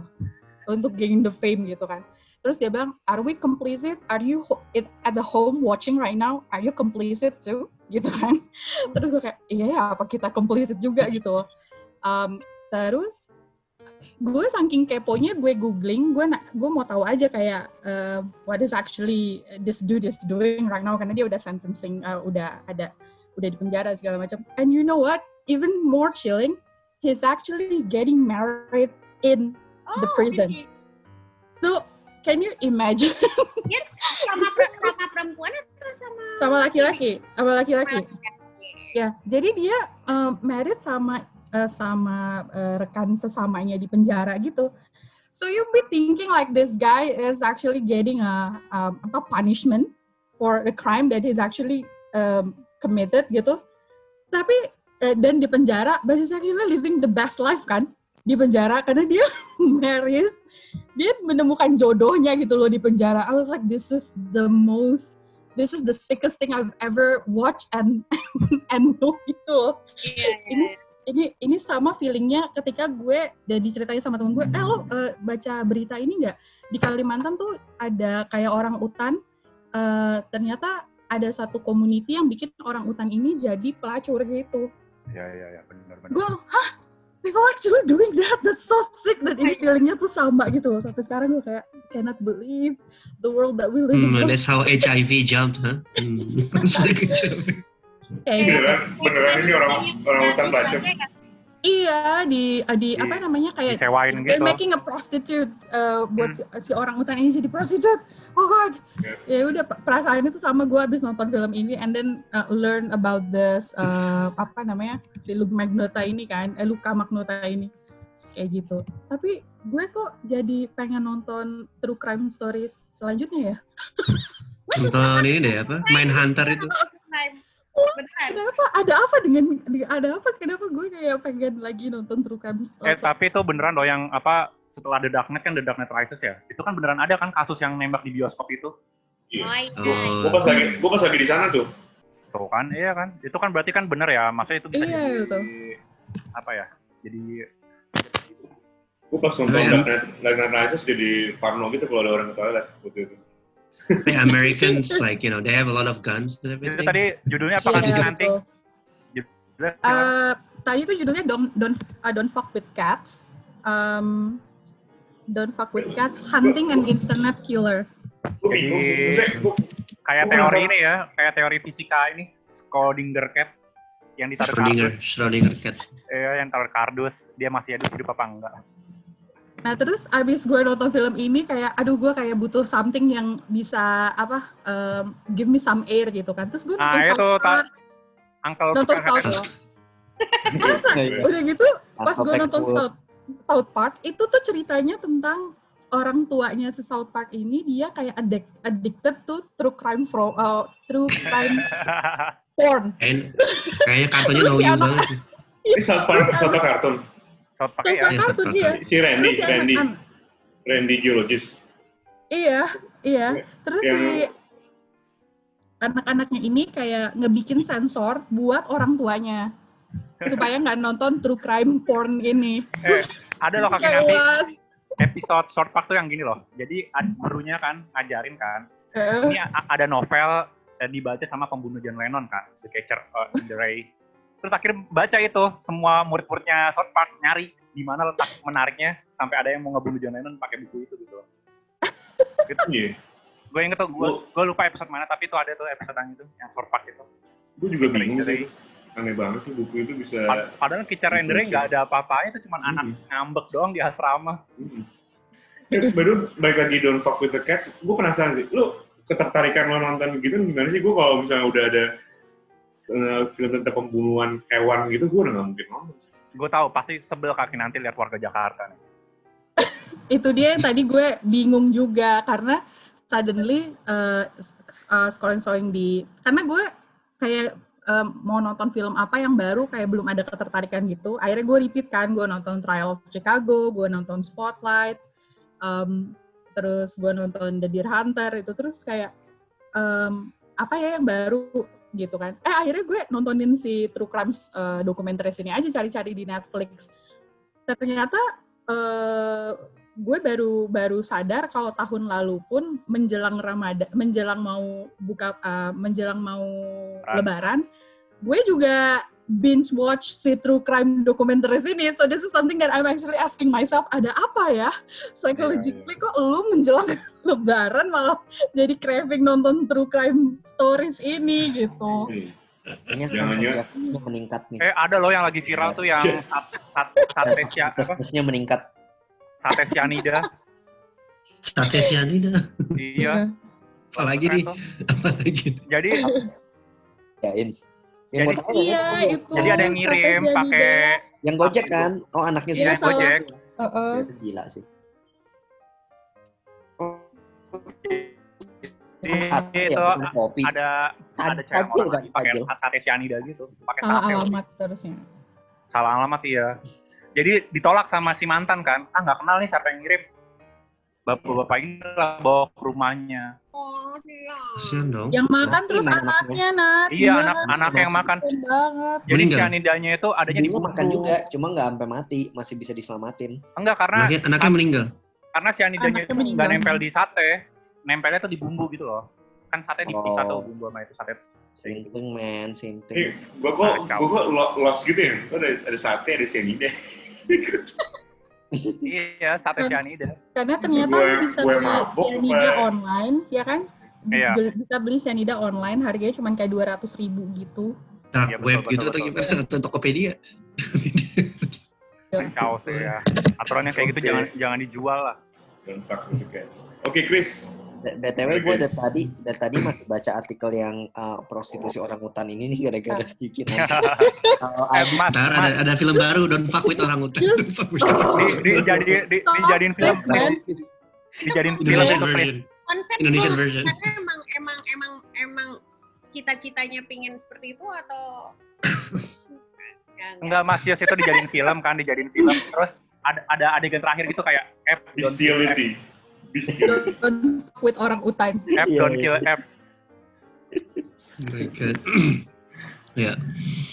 Chris? aku um, uh, minggu ini tuh beberapa dua minggu terakhir sama minggu ini nontonnya um, kemarin baru nonton The Father, Mortal Kombat, terus series baru um, menyelesaikan The Invincible Wih. sama nonton ini sih nonton uh, nonton ulang Tour de Pharmacy itu yang dopamin banget. Pernah dengar nggak Tour de Pharmacy? Ya. Itu kayak mau komentari ala-ala What We Do in the Shadows tapi kayak ngeparodiin Tour de France. Jadi semua Oh. semua biker ini tuh semua terkenal namanya John Cena kemudian si siapa sih um, Tour de France. Si ada ada Andy Samberg it's like maybe like 40 minutes ish movie almost one hour. Komentar dia semua mereka cycler kan kayak at- atlet gitu. Tapi semua ini mereka kayak pakai doping gitu supaya pengen saking pengen menangnya gitu kan. Jadi kayak apa Oh, harusnya nggak Ya. boleh tuh gara-gara pengen mandeng banget akhirnya pada pada pakai drugs ada yang pakai darah citah lah pakai darah apa lah Ada. itu, ada, itu kocak banget sih itu selama pada mati gitu cyclernya aduh kocak banget steroid Ini gitu ya. itu such a Mocking best. ini ya, mocking mau Armstrong. ya? komentari gitu stylenya mau komentari Oh, Mocking si siapa? Lance, Lance Armstrong ya, ini baik cyclist Iya, yang Armstrong kan ya ada Neil Armstrong juga itu ada satu adegan kocak banget spoiler alert jadi Neil Armstrong ini kan jadi ibaratnya jadi kayak whistleblower-nya gitu. Lance. Whistleblower. Lance? Armstrong, Lance Armstrong. oh Lance Armstrong ya. Lance Armstrong. Neil- Neil Armstrong, Armstrong eh Neil Armstrong astronot ya. Lance Armstrong astronot. Astronot doping juga deh. Lance, Lance Armstrong tuh yang Ya, jualan Lance gelang. Oh, ya apa Livestrong Livestrong itu kan? Livestrong ya. Ya, jadi si si atlet sepeda Lance Armstrong ini kan dia kayak jadi whistleblower ya gitu kan. Terus dia bilang gini ini muka gue udah disamarkan ya? Jangan kasih tahu kalau pada tahunnya gue digebukin nih sama teman-teman gue terus tiba-tiba si kameramennya bukan jadi lagi. Gue penasaran sih serius film ini. itu kocak banget. Terus dia paling kocak tuh dengan John Cena kan. Dong saya terus dia tuh kayak otot banget kan. Bilang dia pasti nggak pakai steroid. Gue nggak pakai steroid sumpah. Dia kayak itu gue ketawa banget deh nonton itu. Yang ada Shia Um, LaBeouf juga bukan sih? Bukan Eh, siapa sih aktor ini? Um, Andy Andy Samberg, ada Orlando Uh-huh. Bloom, Freddie Highmore, David Dix, uh, John Cena. Oh, Orlando Eh, Bloom iya. udah lama gak kedengeran. Ya ini film tahun 2017 itu, itu udah highly recommended banget kalau pengen nyari Oke. komedi. Uh, misalnya lihat di HBO, I think, oh dari um, HBO. ya, atau other sources. Tapi definitely it- it's a blast itu kayak film itu What We Do in the Sh- kalau suka banget sama What We Do in the Shadows, Oke. ini pasti ini, ini kocak banget. Itu Hmm. mampus banget. Animasinya kan mirip-mirip kayak DC style animation ya, kayak orang iya. lihat sama Superman dan itu. Tapi ini di sini dia um, karakter utamanya itu si Invincible itu anak dari ibaratnya anak Superman-nya lah yang dalam, dalam film itu Omni-Man kan. Dan Omni-Man ini dia nggak dia tuh awalnya dia baik tapi ternyata dia punya dark secrets dan dia punya agenda tersembunyi yang um, kayak dia tuh semacam alien yang menginfiltrasi bumi gitu dan Gue mau, gue mau nonton. dan-. Oh, oh, spoiler. Anyways, itu banget bloody, sangat gory dan mereka tuh nggak holding back sih. Dan aktor-aktornya yang nyuarain juga terkenal semua. Iya, Steven Yeun, um, Sim Simmons, Dan Simmons, JK, jadi- JK Simmons. J.K. Simmons itu yang terus jadi sekarang terus ada ada satu adegan di final episode jadi memes terkenal banget sekarang yang tau gak sih yang think think tau gak sih yang itu Ya, Ini lagi blowing up banget memesnya dan kalau memang butuh series buat ditonton Invincible check it out itu bagus banget. Uh, Sama ini itu, ya, Pak. itu walaupun animasi ya tapi itu bukan buat anak-anak sih itu Sama Itu kayak, jangan nonton sama anak-anak di rumah cuman itu bisa barengan gitu ya. Bisa barengan sama Jupiter Legacy ya. Iya iya gitu. Jupiter Legacy di uh, Netflix ya kalau um, Jadi kalau di suka nonton The Boys, ya ini pasti suka dua itu. ya The Boys Invincible aku suka sih di sini di mana film-film kayak kayak nggak holding back menurut gitu, gua itu- nggak pretentious Ini berkat karena film ini ya Watchmen-nya Zack Snyder ya. Kayak kayak gitu. Gitu loh. Betul betul betul. Watchmen Zack Snyder tuh mungkin ada inspiration sih. Tapi itu agak lama ya. Tapi dia nggak suka dengar dengar sih uh, not bad sih ya. Tapi yang seri yang Watchmen tuh nggak sih? Yang Iya. baru-baru ini keluar seri di HBO Max itu nggak bagus sih. Maksudnya bagus awalnya premisnya menarik banget. Kayak ngebahas tentang racism ngebahas tentang um, si apa namanya kayak kayak banyak komentar-komentar terhadap uh, racism in America. Tapi ke sini ke sini Iya. tuh jadi dokter Manhattannya kok jadi lemah? As fuck ini Iya, iya, iya. Kayaknya itu 98% orang pasti pa- pada komen Iya, soalnya kan premis di film uh, Watchmen. Itu kan otomatis ini kan humanity. Iya. yang gue tuh udah gak saking detached sama humanity itu gue gak, gak, gak mau lagi kan. Punya Di sini jatuh cinta. jatuh cinta. Gue gimana sih? Jauhnya jauh dari humanity jatuh cinta. Oh, itu oh iya. Oh my God.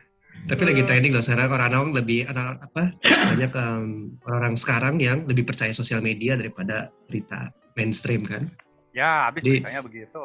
Iya, anak-anak muda sekarang padanya percaya sama berita dari TikTok daripada berita dari um, mainstream media. Wala- Walaupun TikTok ada video yang untuk kayak debunk eh, teori yang dibahas di TikTok lagi gitu kan.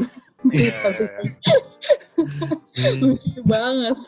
kayaknya I kind of feel like a lot of young people kayak banyak anak muda sekarang yang uh, attention span-nya tuh sangat makin pendek gitu. Iya, Iya, betul, betul. Jadi kayak gue kayak iya kayak berasa paling muda aja iya. Karena mereka kayak ini ya, apa, males saya referensi gitu loh. Udahlah ini. Iya, males enak. cross checking, fact checking. Iya, kayak gitu-gitu. Jadi orang tergampang tersulut gitu loh. Oh, ini udah pasti. Iya, banyak baca headline doang ya langsung percaya. Padahal Beda beda sama kita kalau kita kan dulu lahir di ti- tidak di era internet jadi kebiasaan nyari gitu loh, kebiasaan ngulik gitu loh. Yang Sampai mhm. sa- sampai sekarang ke bawah kan kebiasaan ngulik gitu. Ah, kayaknya kurang cocok nih sama ini. Kita ngulik-ngulik ngulik-ngulik lagi gitu. Iya, usah semuanya apa yang nggak ada di sini. Film yang paling dilarang aja udah ada kali di sini. Yang suka crime Iya, itu pasti pos kota ya. gitu pos kota. Pokoknya kalau setiap pagi tuh ada aja korban mutilasi di patas AC tuh.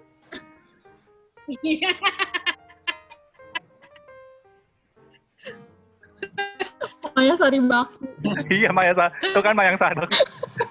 Pokoknya kalau subuh-subuh ada kardus misterius, nggak ada pemiliknya. Iya, Yang paling gue suka sih komik ini ya, apa Benny dan Miche ya. Benny dan Miche itu sarkasnya cerdas gitu. Hmm, Benny dan Mitch, ya, ya itu di Iya. koran. Apa Benny dia ada buku komik juga gitu ada? Iya di komik ya kan kumpulan koran terus di, di- dibukukan ke komik kan. Iya, Benny dan iya. Mitch pergi ke Bali sampai Iya. ke dua part. Gue beli tuh buku-bukunya apa komik-komiknya. Iya itu bagus. Karena gambarnya pakai tinta Cina kan bagus banget, bener-bener. Bagus banget kayak apa karikaturnya kan kayak mulutnya yang kayak bebek kalau ada politisi-politisi. Kalian boleh uh, share nggak? Kalian kalau milih film apa tadi? Hmm. Kalian kalau milih film sekarang biasanya berdasarkan apa? Gue gua, gua baru selesai baca-baca tentang apa Don't Fuck With Cats juga nih. nih. Waduh, waduh, waduh. Bahaya. Menarik ya Yus. Iya. Langsung serius gitu mukanya kan langsung serius. Menariknya as in and shit gitu. kayak what the fuck is this? Kalau kalau gue milih film sih eh, mungkin maksudnya dari tahun lalu ya. Ya, Tahun lalu kan dari tahun lalu mulai tertata dengan ya. film gue. Di tahun lalu kan gue gua abisin list-list yang udah gue tontonin gitu banyak. Salah satunya uh, uh, Sight and Sound yang masih jalan, sisa filmnya kayak 10 jam 10 jam semua jadi nyicilnya lama banget. Pasti Belatar. Bellator udah lewat, udah lebih kita lagi. Jadi uh, uh, terus buat news and list A- A- A- AFI juga, AFI sama IMDb. IMDb gue udah top 250 udah selesai semua kecuali 6 film dan semuanya film-film sarukan gitu modelnya. Jadi kayak Skip skip.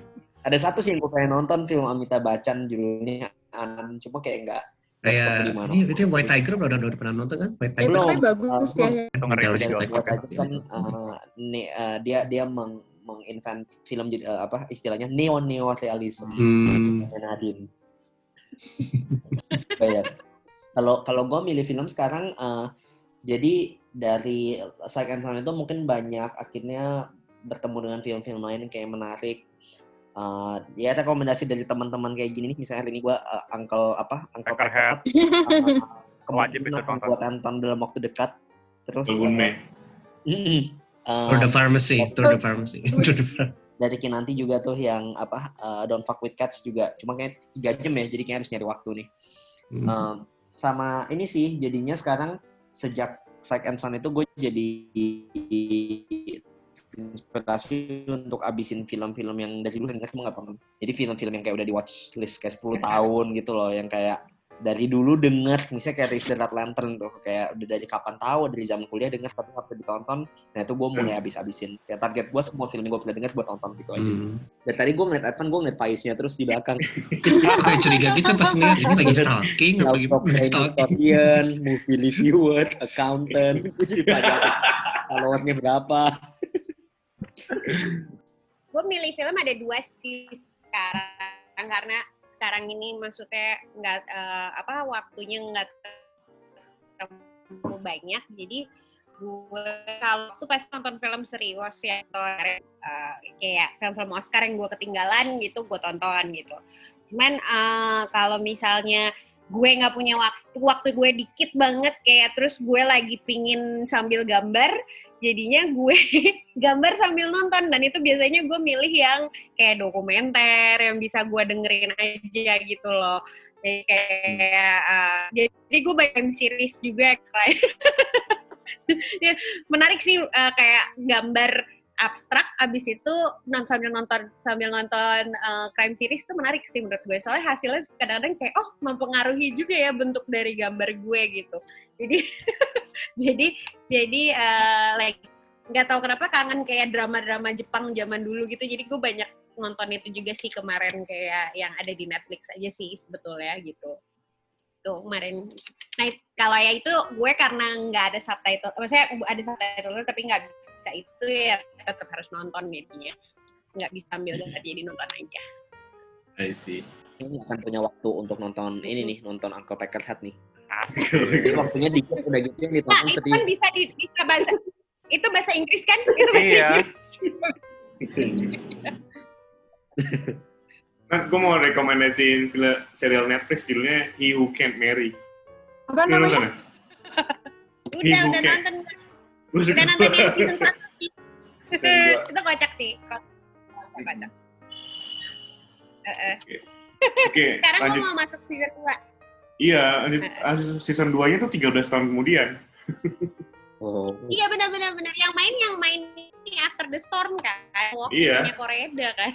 Iya, Korea. kemarin ya dari Still walking. ngomongin, lu ngomongin.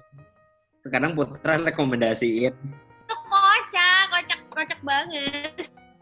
Apa judulnya tadi? Yang Hiroshi Abe itu kan? He Who Can't Marry. Can Iya. marry. Iya, dia yang nggak bisa menikah. Ya. Eh, yang season 1 kan rutinitas dia ini net ada ke ke tempat rental DVD gitu kan. Nanti yang Iya pas iya iya benar benar. eh, nanti yang pas di season 2 kan udah 13 tahun kemudian tempat-tempat itu udah nggak ada lagi. Jadi kayak agak, agak sedih juga gue. Gitu. Benar. Juga dia arsitek juga kan makanya lu mungkin tertarik kali. Iya, gue tertarik juga uh, the way the way he thinks gitu. Dan uh, dan apa bitterness-nya dia itu gimana ya? Nyelekit nyelekit gitu. Nggak sih kalau nggak tahu kalau, kalau dari cewek mungkin lebih lebih kesel kali. dari kalau nonton cewek mungkin lebih kesel. gue tuh kayak kayak kayak kayak in a way gue suka gue suka juga karakternya karena ya udah dia tuh kayak terserah gue gue maunya gimana gitu loh kayak gitu loh kayak dia udah dia udah udah set on that gitu walaupun society kayak masih tetap maksain sih gitu kayak lu tuh nggak bisa kayak gini gitu kayak gitu kan Apalagi ini kan pressure di Indo misalnya buat apa merit misalnya. Society pressure yang di iya iya iya lucu sih lucu sih karakternya dia Iya. apa gue nya apa gue nya aja. Harus. Gue nya aja. Oke, eh, Ah, mungkin nih. lanjut, lanjut- lanjut lagi nih ke Kinanti kalau milih film gimana Kin? Gue literally beneran based on mood gitu sih, Put. Uh, tadi kan Nani bilang kalau misalkan gue lagi banyak waktu, gue nontonnya serius-serius. Ya itu juga sih, itu mempengaruhi mood gue juga. Kalau lagi banyak waktu, mood gue ada light atau apa, jadi uh, maksudnya bisa observe film-film yang serius, itu baru gue nontonnya agak yang um, kayak kemarin um, nonton film-film Oscar gitu. Um, kalau misalkan moodnya lagi eh, apa pengen yang ap- apa eh, moodnya lagi pengen yang santai-santai gitu nggak terlalu serius gue nonton em, film komedi kayak kemarin Dolomite is my name terus atau enggak gue nonton stand up komedi gue lagi suka banget ngikutin eh, stand up komedinya Dave Chappelle I think he's the Iya. greatest stand up comedy in the world menurut gue ya terus em, iya jadi literally based on mood. Makanya gue bingung nih gue kok tiba-tiba lagi mood banget nonton true crime. True crime documentaries menjelang lebaran tuh apa apa two years in a row itu apa ya sebenarnya mood gue? Kayak berusaha mencari-cari juga mood gue kenapa ke arah situ. Gitu. Terus ada tapi gue ada gue tuh kemarin sempat nemuin ada satu um, Instagram account namanya film rank. Nah kebetulan gue tuh eh, kangen banget sama acara SMS-nya Jack ya eh, yang karena you know I'm just I'm, I'm literally just a movie geek. Gue nggak mau orang gimana cuma bener-bener seneng film aja. Jadi pas lagi ikut SMS gue tahu um, ada yang namanya uh, dark comedy terus uh, black black exploitation gitu itu itu something yang gue kayak oh ini ada genre-genre yang uh, ternyata selain kayak komedi biasa atau uh, kayak action movie or apa ada genre-genrenya gitu nah terus di di satu ak- akun ini tuh gue nemuin uh, how to start with. Jadi dia kasih tahu misalkan kalau lu mau start with like a foreign movie, dia kasih dia kasih rekomendasinya, dia kasih uh, Cold War. Kalau misalkan um, apa, gue saya buka deh. Terus dia kasih juga misalkan lo mau start with kayak uh, where to start with French New Wave, dia kasih rekomendasi filmnya. Terus uh, New Hollywood, dia kasih rekomendasinya. Neorealism, nah itu um, jadi nanti kan ini mau libur panjang ya, jadi rencana gue gue mau nontonin tuh film-film yang direkomendasiin sesuai sama si um, akun Instagram ini gitu mengobati kekangenan gue sama SMS lah Oke, bikin SMS lagi deh ntar. Iya. Eh, pas Pilihan 28 kan ternyata pindah ke Bintaro kan? Iya, tapi kayaknya nggak nggak offline dulu Nat. belum Oh. berani, belum Iya, berani. iya ya, masih lama Iya. ya online ya. Ini online aja sih. Apalagi kalau teater gitu susah juga social distancing. Iya Hmm, sih. hmm. Maksud gue Hmm. kalau udah vaksin semua dan sudah Iya. Kembali normal, Herd gue immunity. I think like we have to wait like five more years. Iya. Iya. This way. Iya. Iya. Oh, sedih. Kalau eh, Evan gimana, Van? Lo milih film sekarang gimana? Ya ini ini ini pertanyaan ini ini ini jawaban. gue gue tertarik sih dia milih berdasarkan apa ya Iya, soalnya random banget. random banget nih. gue tuh kemarin kan nonton series Netflix yang nggak laku ya, itu judulnya Ragnarok. Tentang ini loh film dari aduh nggak lah negara mana itu Islandia atau mana gitu loh. Tentang apa eh, Lego cuma episode gitu terus gue biasanya gue gini loh kalau kalau satu film ini loh film like this gitu loh film serupa dengan film ini terus kok ada trailernya nonton ini terus lama-lama makin ngaco gitu kan film yang serupa ini gitu. Terus kok ada ketemu tadi filmnya Alexander Dario kayak gitu gitu pokoknya selalu gitu loh. Kalau misalnya satu yang gue suka ya udah langsung film like this film like this gitu, film serupa ini. Jadi gitu. Emang random banget. Jadi nggak kayak yang Kak Kinanti kayak atau Kak Nadine gitu-gitu atau kayak Kristo segala macem. Lebih gitu aja. Pokoknya yang yang serupa-serupa gitu. Gue nyebutnya kayak ini loh apa namanya? Efek domino gitu loh. Hmm, Iya, pasti gitu sih. Lu, lu, lu udah bisa Ah. menonton film-film art itu aja udah ajaib sih. Iya. efek domino gitu jadi kalau misalnya. Mas Putra lagi ada rekomen misalnya film Prancis apa besokannya pasti buka tagihan lagi tuh film yang serupa ini tahu-tahu ada ada 10 film Prancis aja yang gue tonton gitu Pasti gitu sih, bener. Kata lo efek domino. Misalnya ini direkturnya apa, atau pemerannya siapa. ah iya efek domino gitu jadi keserupaan tahu-tahu pengetahuan gue tentang film yang ini udah udah nggak tahu udah wah udah segini segini udah kayak nah, itu ba- bad habit sebenarnya sih itu sih Hmm. Berarti dia, gue mau lo- tuh kayak Mas Yus gitu loh Ta- tertata rapi gitu loh second sound ada berapa IMDb 250 kan udah tonton semua. Itu kalau Ya, digaji. tapi ya itu ampun. itu nggak nggak nggak ini juga sih, nggak apa. Sebenarnya kalau kalau gue itu kegi- ke- kegiatannya Masis kalau kalau digaji kita udah bisa nyicil mobil ya. Oh, iya. kalau nonton film digaji ya. Tapi gue mau gue mau nambahin ya kalau kalau menurut gue sebetulnya uh, critics uh, critics review lumayan berguna sih. Um, mungkin gue emang dari dulu dari dulu sebetulnya dari SMP gitu kan gue suka baca Roger Ebert. Jadi gue emang uh, uh, kri- kritik kritik film kritik have a special place in my heart lah gitu. Jadi gue suka banget sih baca-baca review film dan punya ketertarikan dengan cara orang review film. Jadi kalau udah ketemu reviewer yang seleranya pas sama kita, usually yang mereka suka akan pas dengan Hmm. kita. Jadi kalau buat gue, gua- David Ehrlich itu reliable banget. Kalau dia review Reliable. satu dengan sangat-sangat antusias, gue pasti most likely suka filmnya. Kalau Gua di- reviewer ya? Peter Travers. reviewer film Indonesia Peter Travers bukan Mas? sih gue, tapi Pete Bradshaw yang Guardian tuh gue suka. Kalau di YouTube gue seringnya ikutin Chris Tuckman sih. Iya. Oke. Chris Tuckman. Oh, iya iya. Chris, iya. kalau lu gimana Chris? Kalau lu kan di lagi di luar nih sekarang, lu nonton film, Ya, jadi di sini kan gue juga apa biasanya tuh dapat rekomendasi dari filmmaking community di sini kan. Dan aktif ikutan filmmaking community banyak rekomendasi di situ. Terus juga dari dari rekomendasi itu mungkin yang lain-lain. Tapi aku um, ya biasanya sih ngikutin yang trendingnya apa, sama explore dari situ. Cukup browsing premisnya unik. Selalu baca sinopsis sih kalau aku ngeliat kayak apa namanya dari trending dari sinopsis dulu kira-kira menarik nggak? Um, kalau misalnya nggak sinopsisnya nggak intriguing nggak atau nggak at least nonton trailernya dulu lah nggak kayak soalnya kan nonton film kan dua jam ya jadi kayak aduh if it's not good then I, then I, I have to watch the trailer first kalau trailernya menarik baru nonton. Habis itu selain itu ya banyak fokus ke political drama sih aku kalau political drama selalu nyari banget kayak Trial of Chicago Seven itu kayak Judas and the Black Messiah. Karena stuff itu itu aku cari-cari banget sih. Ya kemarin nemu yang apa? Yang One Night in Miami itu ya yang uh, Muhammad Ali. Itu juga ya sukalah tipe-tipe film yang kayak political drama that's that's my thing and uh, maybe crime drama yang kayak Narcos sama Mindhunter itu Oh, juga main iya main Hunter sih. itu keren banget sih The Sopranos.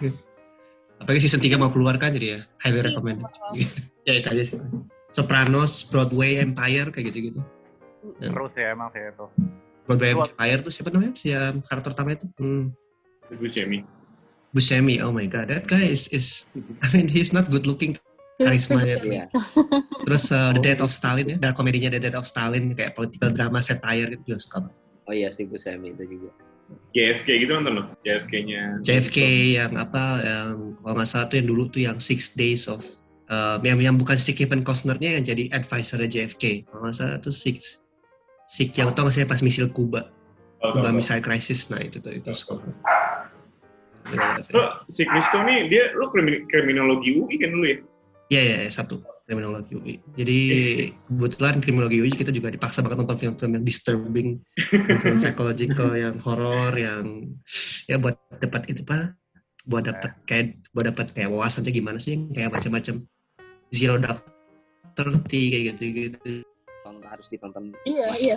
Zero Dark Thirty itu dipelajari uh, trauma, kayak ngepelajari tentang um, traumanya yang dirasakan oleh si agen CIA. Itu kita pelajari uh, satu mata kuliah aku pelajari itu namanya Violence, Trauma, and Reconciliation. Aku di sini uh, di Australia belajarnya beda jurusan sih, cuman aku kayak ngambil main, ngambil minor di kriminologi juga lagi gitu kan. Jadi karena emang interest di situ dan satu mata kuliahnya kan Violence, Trauma, Reconciliation dan super cool banget, dan cinta banget tuh film.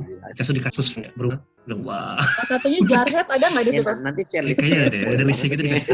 Kalau kamu masih Iya, iya. Terus yang, yang ini apa namanya? Film kalau saya membahas tentang trauma sudah tadi Hard Locker, terus kayak um, The Art apa namanya? Yang Killing itu Act of Killing. Act of Killing.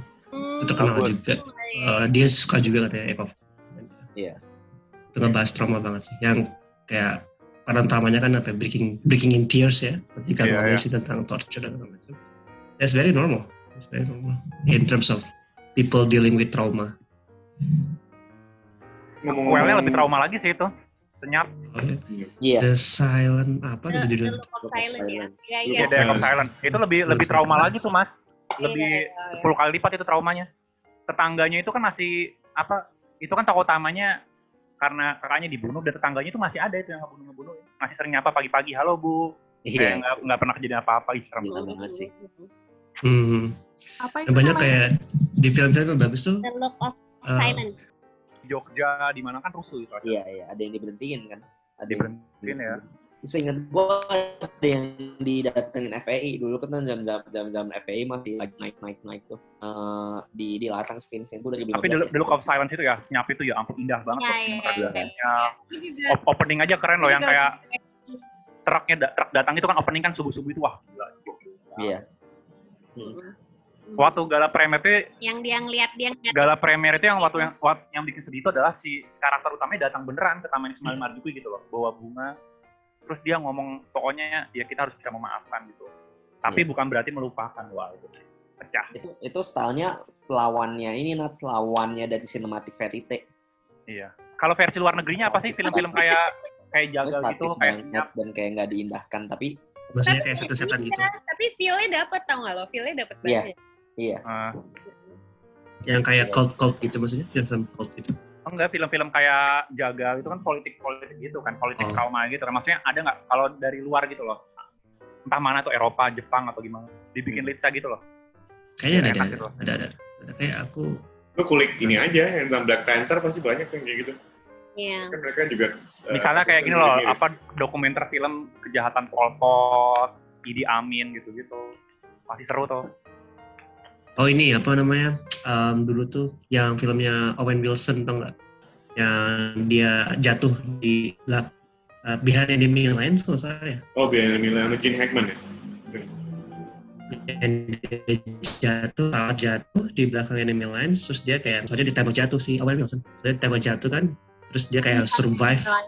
Oh sama Gene Hackman Kalau senyap kalau habis kredit titelnya tuh anonim, anonim, Oh, iya, anonim, iya, iya. anonim semua.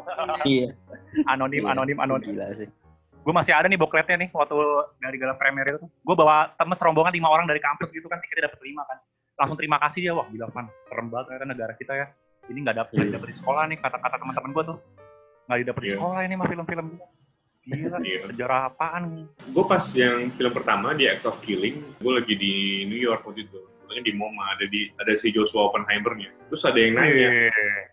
ada yang nanya bapak-bapak orang Indo. Dia nanya tujuan kamu bikin bikin film ini apa? Kata dia. Kamu mau ini, kamu mau mencoba memperbaiki semuanya atau mencoba untuk membawa ini ke ranah hukum atau gimana gitu. Karena saya ada di zaman itu, waktu kejadian-kejadian di film ini terjadi. Gitu. Terus si Joshua Oppenheimer cuma bilang, gue cuma mau ngingetin aja nih, kita sebagai, maksudnya orang di, di Amerika, pada era itu ada satu negara yang mungkin kita aja nggak tahu itu eksis gitu. Namanya Indonesia ada yang terjadi ada terjadi kejadian-kejadian seperti itu dan andil Amerika nggak kecil gitu. Most, most likely itu semua terjadi karena kita. Mau ngingetin doang gitu gitu sih. Itu itu yang nanya mungkin uh, pejabat pensiun tuh betul betul betul betul betul betul yang pejabat-pejabat. PNS Golkar selamat kan anak-anak tiga Melayu gitu-gitu tuh di Nontonnya tuh semua. pejabat-pejabat. Atau atau exile atau dia exile juga. Iya atau Excel Ah. Iya. Wa- waktu DVD-nya keluar kan gue tonton di rumah ya nyokap gue nonton gitu kan. Karena kak- kakek gue kan angkatan darat kan kayak gitu kan. Terus kata nyokap gue nonton ini untuk apa gitu niatnya. Gue bilang Iya kan Evan di sekolahin biar pinter kan biar tahu gitu loh ada ini ada ini sejarah nah ini hasilnya gitu loh. Oke oke kata nyokap gue it's cool. Oh. maksudnya ak- akhirnya nyokap gue ini loh kayak oh iya sih maksudnya da- dari sisi lain ternyata bener gitu ada ada, ada kayak gini. Bagus lah kata dia. Jadi kita nggak buta-buta banget gitu. buat generasi apa eh, generasi kita nih Indonesian yang middle class ini kayaknya emang gue juga sih kalau nggak atau senyap eh, gue nggak akan tahu segitunya gitu se ekstrim apa cerita-cerita yang betul betul betul. Sampai Iya. tahu gitu loh ada ada apa ormas yang dipelihara gitu kan kayak dijagal gitu kan yang Iya. terkoneksi itu kan. Iya. sebelumnya kalau nggak ada filmnya mana tahu gitu kan. Kalau di Ba- kalau di Bali korbannya satu juta lebih di Begawan Iya. Solo berapa kan Sungai Solo itu kan. Terus di ini berapa wah sadis berarti kan era itu. Di Kemang masih banyak ini kok Eh, itu cuman gara-gara ini kan cuman gara-gara satu berita hoax ada jenderal di ini tiba-tiba surat satu satu juta lebih jiwa hilang bisa segampang itu loh berita hoax loh. Ya ampun. Amit iya. Eh kita tutup dulu yuk sesi kali ini nih. Oke. Oke ini thank you. justice. Speechless nih kalau ngomongin act of killing sama sa- ini Look of Silence. Bahasannya dari dari Don apa dari Uncle Peckerhead sampai Mortal Kombat sampai sampai Don't Fuck Cats terus ditutup dengan Act of Killing. Ngomongin trauma ya. Trauma. Oke, teman-teman yang dengerin, makasih banget udah stay tune di The Page, podcastnya Jakarta Cinema Club. Tadi kita ngomongin film-film yang kita tonton minggu ini. Gue sendiri abis nonton filmnya Coppola yang One with the Heart, Visto, dan nonton uh, serial di Amazon Prime, The Invincible, sama Tour de Pharmacy. Kemudian tadi Nadine, uh, Pak gue lagi Nomadland. Oh, Nadine, oh iya, iya. Nomadland. Nadine yang Nadine yang sangat Nomadland. Na- Nadine amazed, amazed dengan nom, nomad Nomadland ya. Sama Semua nyarinya kalau di di sini Nomadland ya Nomadsland. Jadi ada yang banyak yang tersinggung nih. Salah. Terus eh, Yus habis nonton Mortal Kombat, kemudian ada Kinanti yang lagi suka nonton film-film dokumenter yang bergenre crime, masuk Don't Fuck, Don't Fuck With Cats. Kemudian Advan yang habis nonton horror comedy judulnya eh, Dr. Peckerheads gitu. Uncle, uncle. Ah, Uncle Peckerheads. Sampai bertemu lagi di sesi berikutnya. Thank you for listening. See you next time.